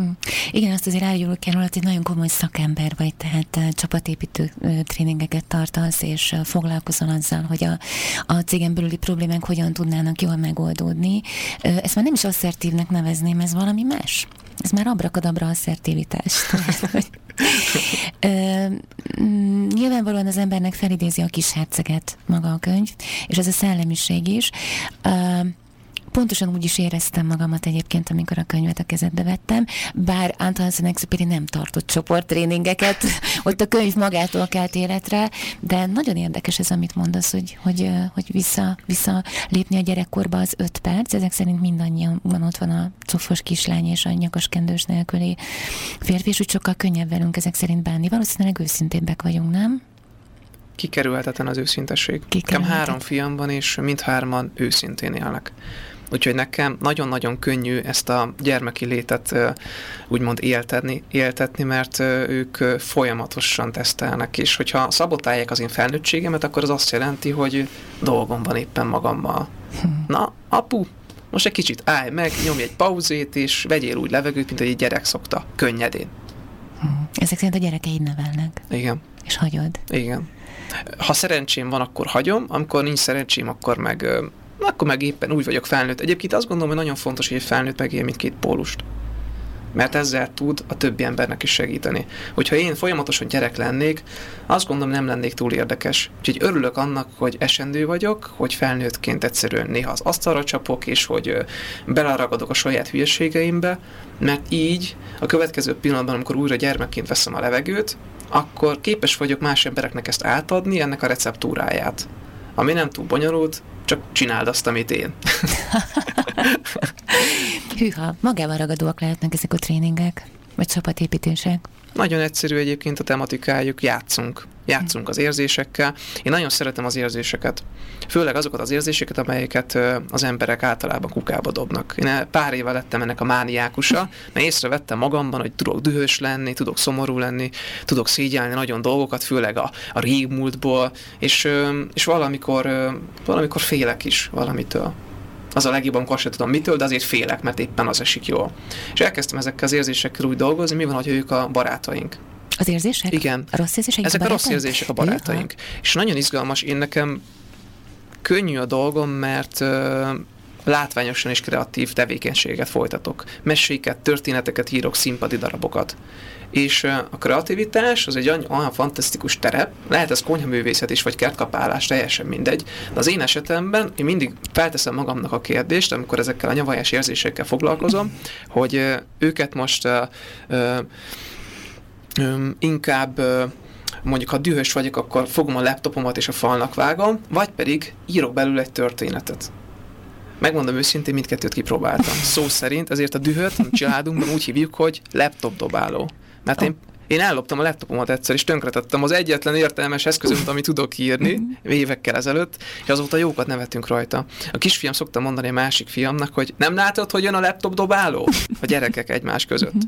És nagyon örülök ennek, mert ez azt lát, ebből az látszik, hogy a, ennek az értelmi oldala, amit tényleg adja, meg tudom közelíteni, hogy az érzések azok ténylegesen felhasználhatók nagyon-nagyon-nagyon intenzív folyamatokra, alkotó folyamatokra. És a, a szomorúságból, fú, abból az érzésből volt, amikor egy drámát írtam. Annyira, annyira erős, tömény szomorúság jött, amit nem tudtam kísérni másnak. Tehát akkor a, a laptop dobálás, a szomorúság és a düh, azok igazából kiírhatóak át, tehát transformálhatóak, átalakíthatóak. Igen. Igen. Azt éreztem a szavaidból, hogy nem is kell velük úgy bánni, mintha nem utálnám. Sőt, sőt, mint ahogy egy vendéget hogy fogadok, amikor hazajön? Az én otthonomba jön. Gyere beljebb, ülj le, kérlek, kérsz esetleg egy teát, egy gyümölcstorta szeretet? Szeretettel fogadom, és hálás vagyok érte. Gyere bánat, ülj le, csak is, csak is sütizzünk egyet, igen, ígyunk egy fahéjas alma teját. Én ezt nem magam találtam ki. Egyszer egy barátom mondta, hogy ő dühös volt, és leült beszélgetni az ő dühével, és nekem úgy éreztem akkor, mi van? Én ezt, ezzel nem tudok azonosulni, ne haragudj, ezt nem tudom elképzelni. Én szoktam dühös lenni, de olyankor uh, úgy csinálom, hogy dühösnek kell lenni, hogy összeszorítom a fogaimat, meg az öklömet, és közben még esetleg káromkodok, és átjött. Egy napon éreztem azt, hogy te jó ég, ez az a pont, amikor eldönthetem most akkor ökölbe szorítom a kezemet, vagy egy tollat ragadok, és elkezdek írni. És azóta azóta, azóta ezt csinálom. Hm. Tehát akkor nem sikolyokat gyűjtünk, hanem mosolyokat, mint a régi másik mesében, ugye? Igen. A, amikor fogalmaztam a kérdést magamban, amikor mi már hétvégén egyszer mesél, mesésen beszélgettünk egyet a mai nap programját egyeztetve, megmondom őszintén, kicsit féltem a választól. Kicsit féltem attól, hogy, hogy milyen érzés felnőttként gyereknek maradni. Kicsit féltem attól, hogy több benne a kudarc, de megnyugtattál. Megnyugtattál, hogy érezzük jól magunkat ezen a bolygón, hogy, hogy él, él a kis hercegben már egyszer megfogalmazott gondolat, bár egy írótól nyilván demoralizáló lehet, hogy hasonlítják valamihez a könyvét. Abszolút nem, nem mert én amikor eldöntöttem, hogy évekkel ezelőtt megírom ezt a könyvet, de inkább úgy is mondanám, hogy a könyv írt meg engem. Hmm. Nem én írom a mesét, a mesé ír engem. Egyrészt, másrészt pedig én amikor eldöntöttem, hogy meg fogom ott írni, azonnal a kis herceg jutott eszembe, nekem életem egyik legkülönlegesebb tápláléka a kis herceg. Amikor meghallottam hanganyagban kiskoromban, azt éreztem, hogy otthon vagyok. Még most is hallom a kis herceg nevetését, meg a sárga búzamezőt, és a B612-es kisbolygót, ahol rengetegszer, ahol rengetegszer voltam, meg a doboz három lyukkal, vajon mi van benne? És én eldöntöttem, hogy megírom az én magam kis hercegét, ez volt a döntésem. Mm. Nem nem a kis herceg lesz a főszereplője. Nem is ugyanez az az írónak a neve, hiszen én nem Exumpéri vagyok, hanem Peti de lelkületben megírom azt, amiben nincsenek gátak, benne van az egyszerűség, benne van az üzenet, és annyira örülök neki, mert megszületett másodszorra. Az első öm, próbálkozásom az, akkor úgy éltem meg, hogy kudarc, és hála Istennek a kudarcnak most már egy új nevet adok. Új lehetőség. Ezt azért merem mondani, mert ez volt életek egyik legnagyobb kudarca, hogy megírtam a történetet, a furcsa mesét, kész volt, elvittem kiadókhoz, lát, látták benne a potenciált, picit még kellett volna hozzányúlni, de éreztem azt, hogy, hogy nem akar létrejönni. Egyrészt azért nem még hozzá kellett volna nyúlni, szóval nem látták benne a tökéletességet, és akkor döbbentem rá, hogy úristen, ezt a könyvet én nem azért írtam, hogy a kis hercegemet megírjam, hanem azért, hogy éljenezzenek, hogy tapsoljanak, hogy a könyvemért imádjanak. Akkor szembesültem azzal az írói, hát azt mondom, hogy mm, mellékhatással, ami szerintem nem csak az én életemben jelent meg, hogy híres akarok lenni. Hogy azt akarom, hogy szeressenek. Tehát és egy ez... voltál a kis herceg bolygóinak lakói közül. Igen, én egy voltam abszolút, és um, úgy döntöttem akkor, hogy nem nyúlok hozzá, kidobom. Kidobtam az egészet. elköszöntem tőle. Szia, mese! Soha többet nem látlak. És most, az idén januárban találkoztam egy emberrel, akinek a hatására úgy döntöttem, hogy én, én megírom. Sőt, megírom 90 nap alatt. Vagyis 90 nap alatt a kezemben fogom tartani a könyvet. Eldöntöttem, három nap alatt leültem, megterveztem, így teljesen gondolkodás nélkül, amit úgy, úgy, úgy viteleztem ki, hogy én reggel 3, 3 óra 45 perckor keltem, hogy ne tudjak gondolkodni, hogy teljesen a szívem működjön csak, és ott legyen az a jó nagy kóma a fejemben. Leültem hajnalok hajnalán, megmozgattam magam, vettem egy nagy levegőt, és erőlködnem kellett, hogy nyitva tudjam tartani a szememet, és azt éreztem, hogy jó van, kéz, jobb kéz, bal kéz, billentyűzetre ráteszed magad, és írsz. És megírtam így 12 nap alatt. Utána pár nap alatt lecsiszoltam, és most itt van előttem. 90. És a 90. napon le- jelent meg a könyv. Pont a 90. nap. Ezek, és akkor ezek szerint te is megjártad a magad útját. Persze, És a magad, sőt, magad járom. járod a magad útját. A feleséged illusztrálta ugye a könyvet. Igen. A hallgatóinknak mondom, és ajánlom ebben is. Amikor én megkaptam ezt a könyvet, akkor azt éreztem, hogy hoppá, bársonykézzel kell hozzányúlni. A könyv már a külső borítójában is finom érzékenységet igényel. Mert olyan a borítója, olyan light tapintású, amikor megnyitom, és a többi. Én nagyon köszönöm, hogy itt voltál velünk, és meséltél nekünk a furcsa meséről, és hosszú úval írhattuk a, a furcsát. Igen. Tehát egy picit el tudtunk utazni ma délután a B612 bolygóra. Hol tudnak hozzájutni a hallgatóink a könyvhöz? Um, interneten tudnak majd hozzájutni. Uh-huh. Én az, e- az első verzió, az úgy mondom, hogy megszületett, az teljesen el is fogyott. Most születik a, a, a második hullám, és a, még annyit el szeretnék mondani, hogy én a könyvben találkoztam azzal a kifejezéssel, hogy nap, de nem napnak nevezi magát a, a mesében a nap, hanem sárga tökfejnek. Úgyhogy mindenkinek kívánok sárga tökfejes szép napot. Köszönjük Körmöci Kriván Péter, furcsa mese B612. Nagyon örülök, hogy itt voltál velünk ezen a délutánon. Köszönöm szépen.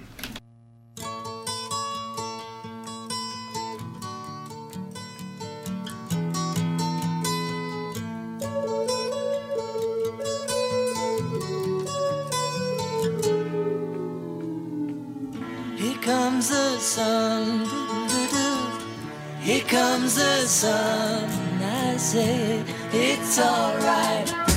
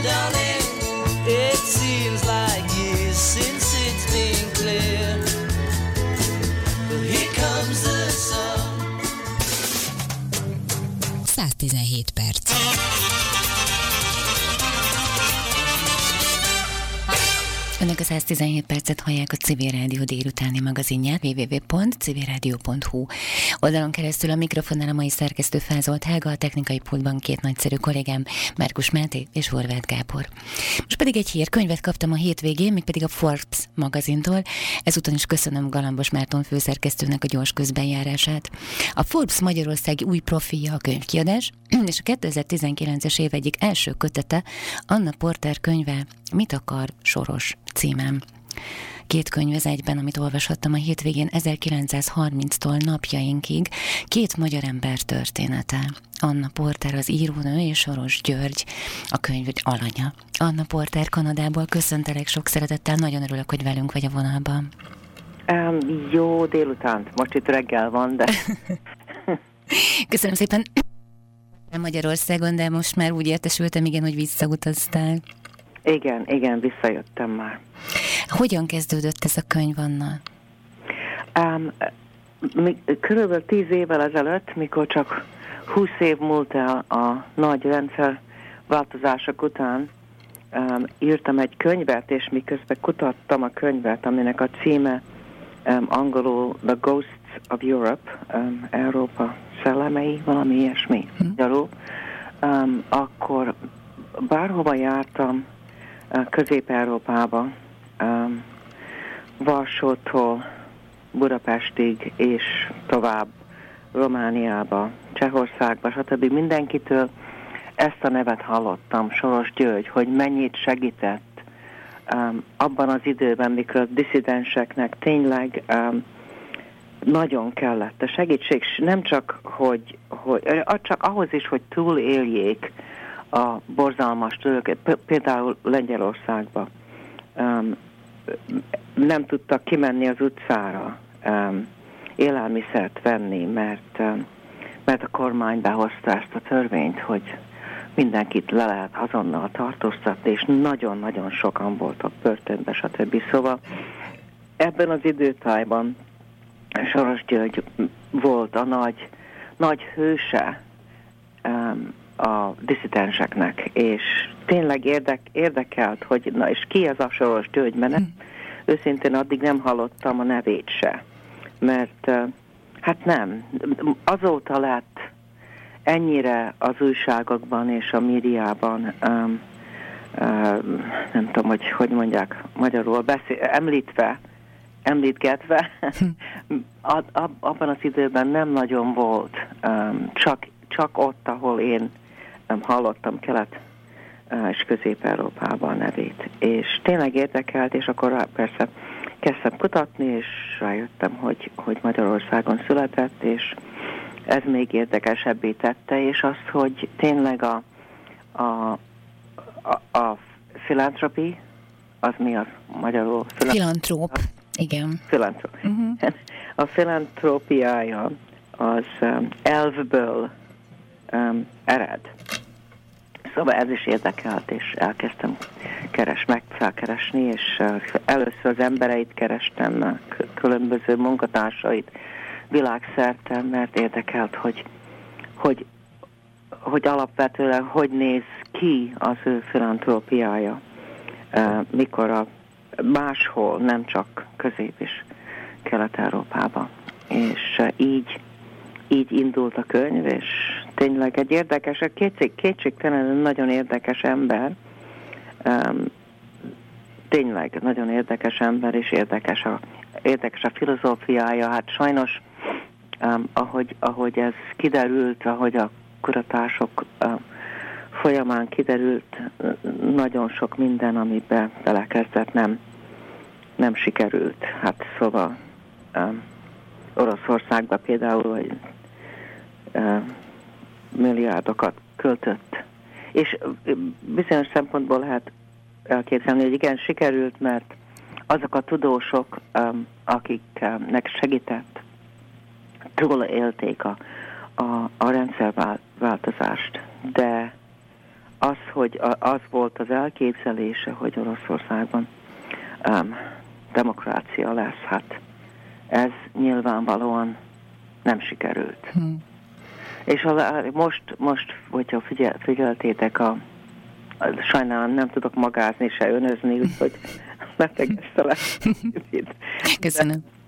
Mikor, uh, hogyha figyeltétek, mi, mi, mi lett um, um, Angliában most? Um, A Brexit. Igen, a Brexit és, uh, és a, a kormány, aki tényleg nagy, nagyon, nagyon nyert, az a Brexites kormány, és uh, George, George Soros, uh, Soros, Soros George um, ott, ottani tevékenykedése abszolút sikertelen volt, mert tényleg az ő elképzelése az volt, hogy, hogy Angliának um, benne kell maradnia az Európai Unióba, és ez nyilvánvalóan nem sikerült, és nagyon-nagyon sokat tevékenykedett ott, és beszéleket adott, és stb. stb. Úgyhogy um, nagyon sokszor nem sikerülnek a dolgok, amik, amiket el, amikbe belekezd. Igen, te nagyon komoly oknyomozást végeztél. Akartam is kérdezni, hogy hány évig tartott, hiszen a könyvet azt azért el lehet árulni már. Juliennek ajánlod, aki kibírta azt az időszakot, amíg ezt a, ezt a nagyon nagy munkát, ezt a nagyon nagy kutató munkát végezted szerte a világban. Igen. Férjem nagyon, uh, szóval ide sokat utaztam, és nem voltam itt, mert sok, sok volt a kutatás, és tényleg úgy érezte, hogy legjobb lett volna valami más, másba kezdek bele, például egy regény, ami sokkal könnyebb írni. De um, szóval befej... Mikor azt hiszem, hogy körülbelül három évig tartott a kutatás. És bejártad ugye Európát, Kelet-Európa, igen, igen, és a világot is, tehát azokat a pontokat, ahova a Nyílt Társadalom Alapítvány eljut. Anna igazából te könyvkiadással foglalkoztál, nem volt korábban ez a profilod, hogy ilyen oknyomozó vagy tényfeltáró könyveket készíts, ezért is gondoltam azt, hogy igazából valóban soros motivált arra, hogy elindulj ebbe az irányba. Um, nem, mert már azelőtt írtam pár könyvet, um, nem tudom, hogy láttad-e a, a, a profil, profilomat. Igen, igen, igen, igen.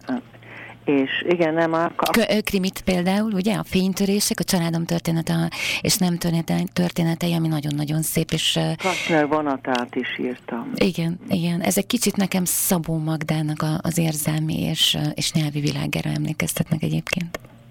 E, e, érdekes, hogy igen, lehet. Uh-huh. Ez egy nagyon jó megállapítás. Um, igen, mert a, ugyanazzal a szép mély szemszöggel nézed a világot, és adod vissza, vagy tükrözöd vissza számunkra. Próbálom. Igen, tehát ott tartottunk, ugye, hogy könyvkiadással foglalkoztál korábban. Nem, várják, kezdjük onnan, ugye, hogy Magyarország gyökerek voltak szintén az életedben, tehát Magyarországon születtél, Magyarországról indultál, és aztán később Kanadában alapítottál egy könyvkiadót.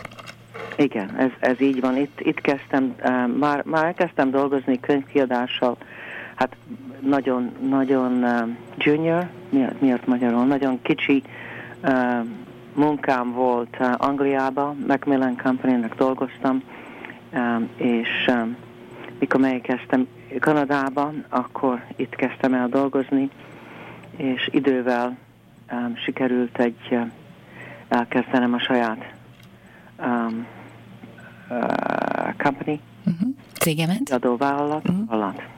Kiadóvállalatot.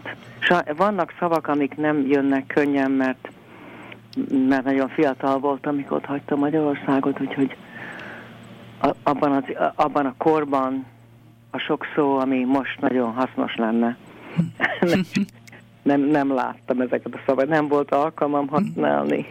Azért nem is tudok önözni. Hát akkor elindult ugye a könyvkiadód, és aztán utána néhány évvel ezelőtt magad is már a saját könyveidet készítetted.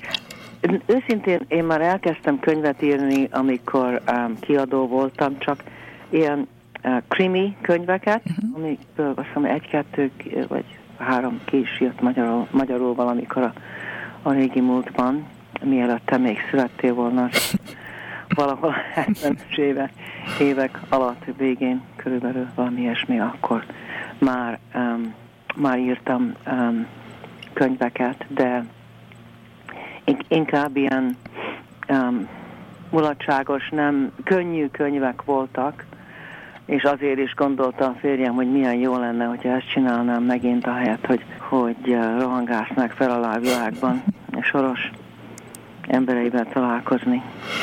Um, igen, mert ezt a könyvet az élet írta, és neked csak utána kellett nyomozni, nem kis munka volt ezt földeríteni.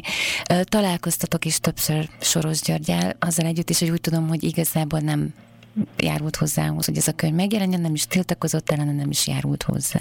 Nem, abszolút nem járult hozzá, és nem is sem. Azt hiszem, hogy, a, hogy szóval nem is szereti a könyvet, legalábbis a munkatársa, aki aki, mikor írtam neki, hogy szeretnék um, egy új kiadást, um, hogy lesz egy új kiadás, és hogy um, most lenne egy alkalom arra, hogy uh, esetleg, hogyha valami, valamit rosszul láttam, vagy szóval korrigálni, csak korrigálni a tényeket, ha valami van, ami nem, ami, ami, amit rosszul láttam, akkor most már egy alkalom um, nekik ezt uh, korrigálni, kiabítani, kiabítani. Ez egy sokkal jobb szó. és, um, és azt mondták, hogy nem. Szóval nem, tényleg nem szereti a könyvemet. Nagyon apró részletekig megismerhetjük az ő életét, a teniszezési szokásaitól az álmaig és az ideájaig is. Ugye, ha jól tudom, 2015-ben jelent meg először, akkor még magyar nyelven nem nem jelent meg magyar nyelven 2015-ben, vagy hogyha, hogyha így mondod, akkor biztos igazad van, én most már őszintén szólva nem. Azt hittem, hogy egy évvel később, de um, körülbelül akkor, igen, és magyarul csak most. Igen, és akkor ugye a Forbes rögtön fel is vette a saját listájára, tehát rögtön ajánlotta ezt a könyvet.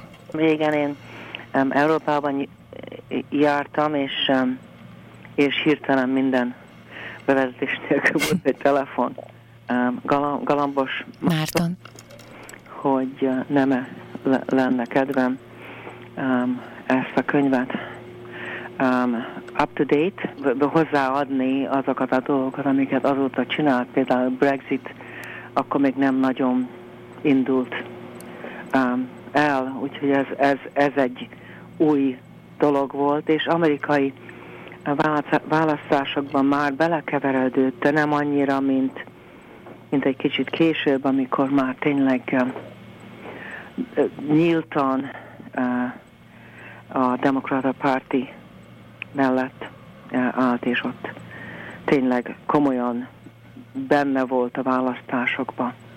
Szóval sok minden történt, és persze aztán Magyarországon tényleg sok minden történt, amit magyarok tudtak, de máshol kevésbé. Például az egyetem most már nagyjából átköltözött Bécsbe. Az egy új dolog, és, és a, a, a, az, hogy a, hogy a választások, um, választások, nem választások, de Magyarországon soros lett um, a Fidesznek um, a legnagyobb ellensége. Um, ez a, így, így állapította a Fidesz, persze Soros abszolút nem látta így a helyzetet, és kíváncsi vagyok, mi lesz, hogyha Soros már nem lesz. Hm.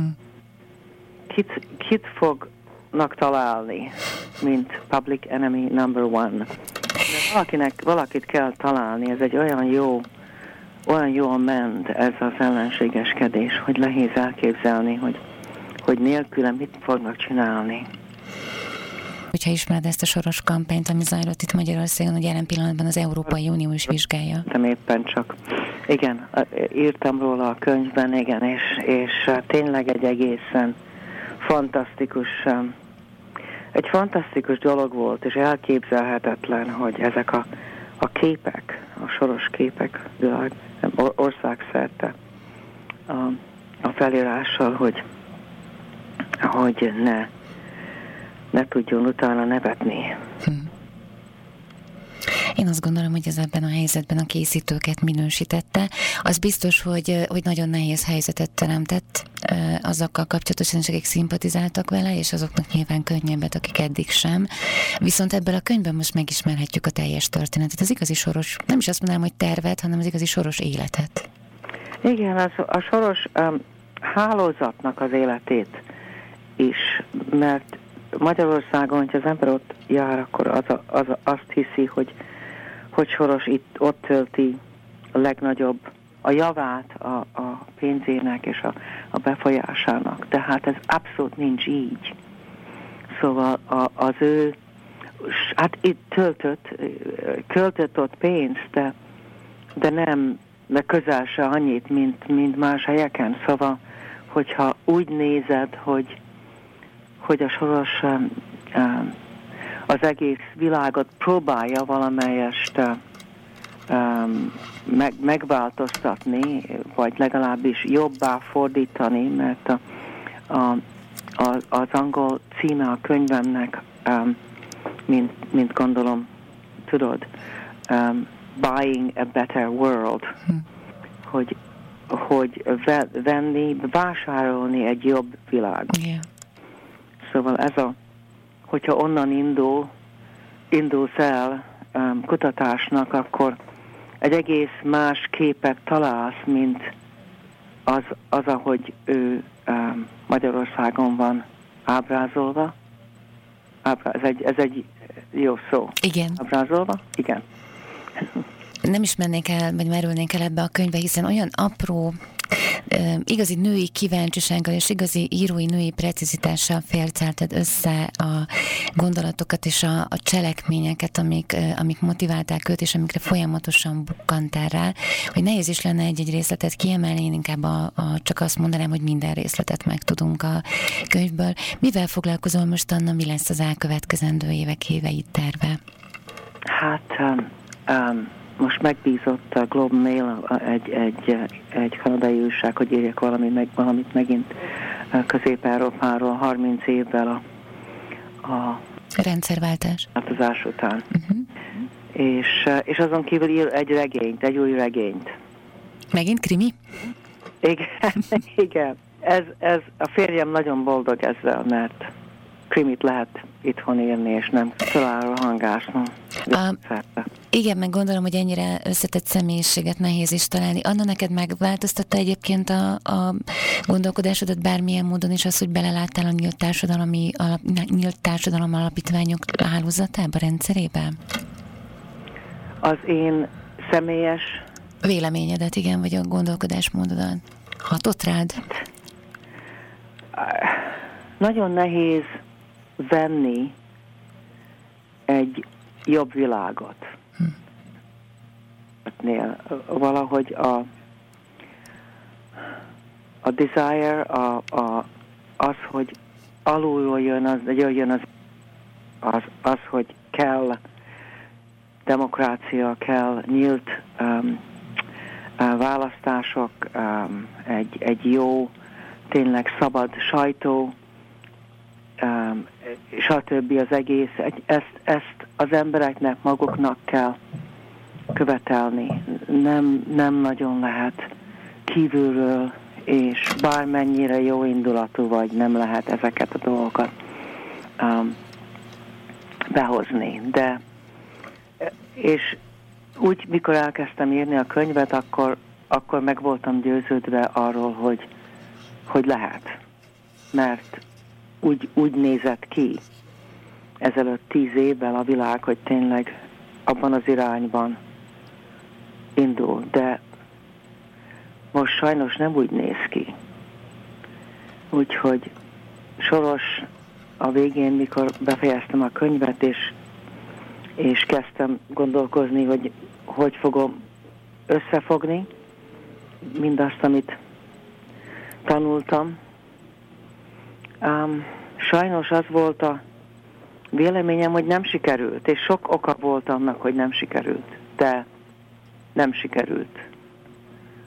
És az intézményeiből nagyon kevés um, siker, ami, ami ezelőtt tíz évvel úgy nézett, hogy sikerülni fog, az a, az, az egyetem, ami Budapesten volt és gondoltam, hogy tényleg ez lesz a, a hagyománya, de most már Bécsbe vonult.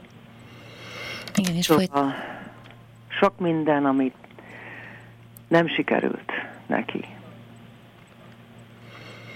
Ugye a nyílt társadalom, amiről beszélünk, ez az ő professzorának volt a filozófiája, a nyílt társadalom, nem tökéletes társadalom, hanem olyan tökéletlen társadalom, amely nyitott önmaga jobbá tételére. Ez az alaptézise. Ahol, ahol lehet, ahol lehet nézet, el, lehetnek nézeteltérések, és de, de, de nem nem harcok egymás ellen, hanem elismerni, hogy, hogy nem értenek az emberek egyet, és a, és a kormányok egy nyílt társadalomban a, a, a, a kormányokat lehet kritizálni, anélkül, hogy, hogy büntetést kapjon az, aki kritizálja a, a, a kormányt. És, és nagyon fontos egy nyílt society-ben, hogy, hogy um, legyen szabad sajtó. Hm. És sajnos, hát ez, a, a remény az, hogy valamikor ez visszajön, és az emberek tényleg um, tényleg akarni fognak egy szabad sajtót, és, és egy, egy, egy nyíltabb um, társadalmat. Igen, ezért is gondolom, hogy fontos erről beszélni, és ezért volt fontos ez a könyv, hogy megjelenhetett most itt magyar nyelven is. A mostani tanácsadók, akik itt Magyarországon nekünk, mint a civil rádiónak is segítenek, mindig elmondják azt, hogyha nem is látunk rögtön mérhető eredményeket, akkor is higgyünk abban, hogyha beszélünk róla, akkor az segíthet. E, egész biztos, mert valaki mégis meghallgatja amit mondanak. Igen. És sajnos most láttam, hogy a civil rádió megszűnik. Ez kár, nem? Hát ez 25 év után történik, hogy a civil társadalmak egyik önkéntes csapatokból álló képviselőjét, a civil rádiót az FM 98-on elhallgattatják. Igen, ez nagyon szomorú, Anna. Igen, nagyon szomorú. És azért egyeztem bele, hogy beszélgessünk már, mert feltámad megint a, ugye a Civil Radio? Azt a lehetőséget választottuk, hogy az interneten, tehát a www.civilradio.hu oldalon keresztül megújulunk, és ugyanazokon az adásrendel és ugyanazzal a műsorsával, műsorrendel tovább menni. Nem fogunk tudni eljutni olyan emberekhez, akik eddig rádión hallgattak minket az autóban, vagy akár az otthonukban, csak kizárólag az interneten keresztül. Hát ez kár. Ez tényleg kár. Úgyhogy sajn, sajnálom a, az, ami történik veletek. Nagyon szépen köszönöm, mi is nagyon szomorúan, de, de fegyelmezetten igyekszünk tudomásul venni. Úgyhogy nagyon szépen köszönöm, hogy itt voltál velünk. Keressék Anna Porter könyveit magyarul is Forbes ajánlásával. Mit akar soros? Anna Porter volt itt velünk Kanadából. Köszönöm.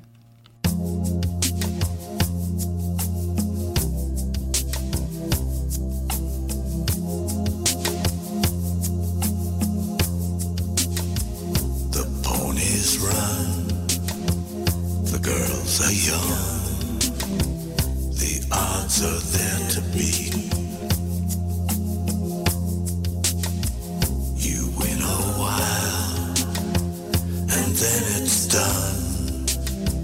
Your little winning streak. And summer now to deal defeat. You live your life as if it's real. A thousand kisses deep.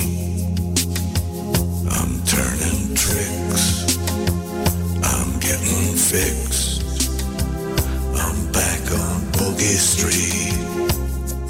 114, 115, 116. 117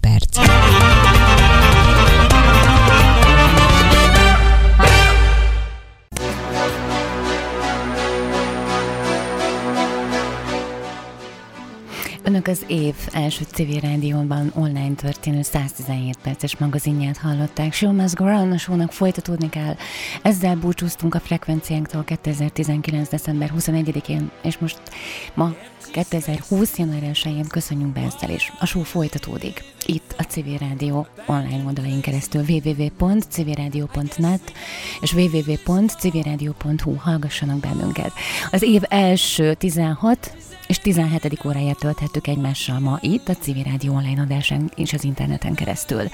A hagyomány szerint, amilyen az évünk első napja, olyan lesz az esztendőnk is. Így hoztunk Önöknek ma könnyed, derűs és elgondolkodtató témákat is a magazinunkban.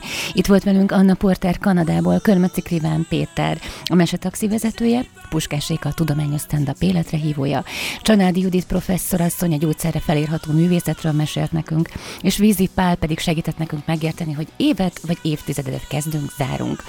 Köszönöm szépen, hogy velünk voltak. Hárman készítettük ma az adást önöknek a technikai pultban segítőm volt ma is a nagyszerű Márkus Máté. A híreinket Besnyi Gyöngyvér szerkesztette, én pedig a mai műsorvezető szerkesztő vagyok, Fázolt Hága. Köszönöm, hogy együtt voltunk ma is civilek itt az interneten keresztül is. Whatever happens, I leave it all to chance.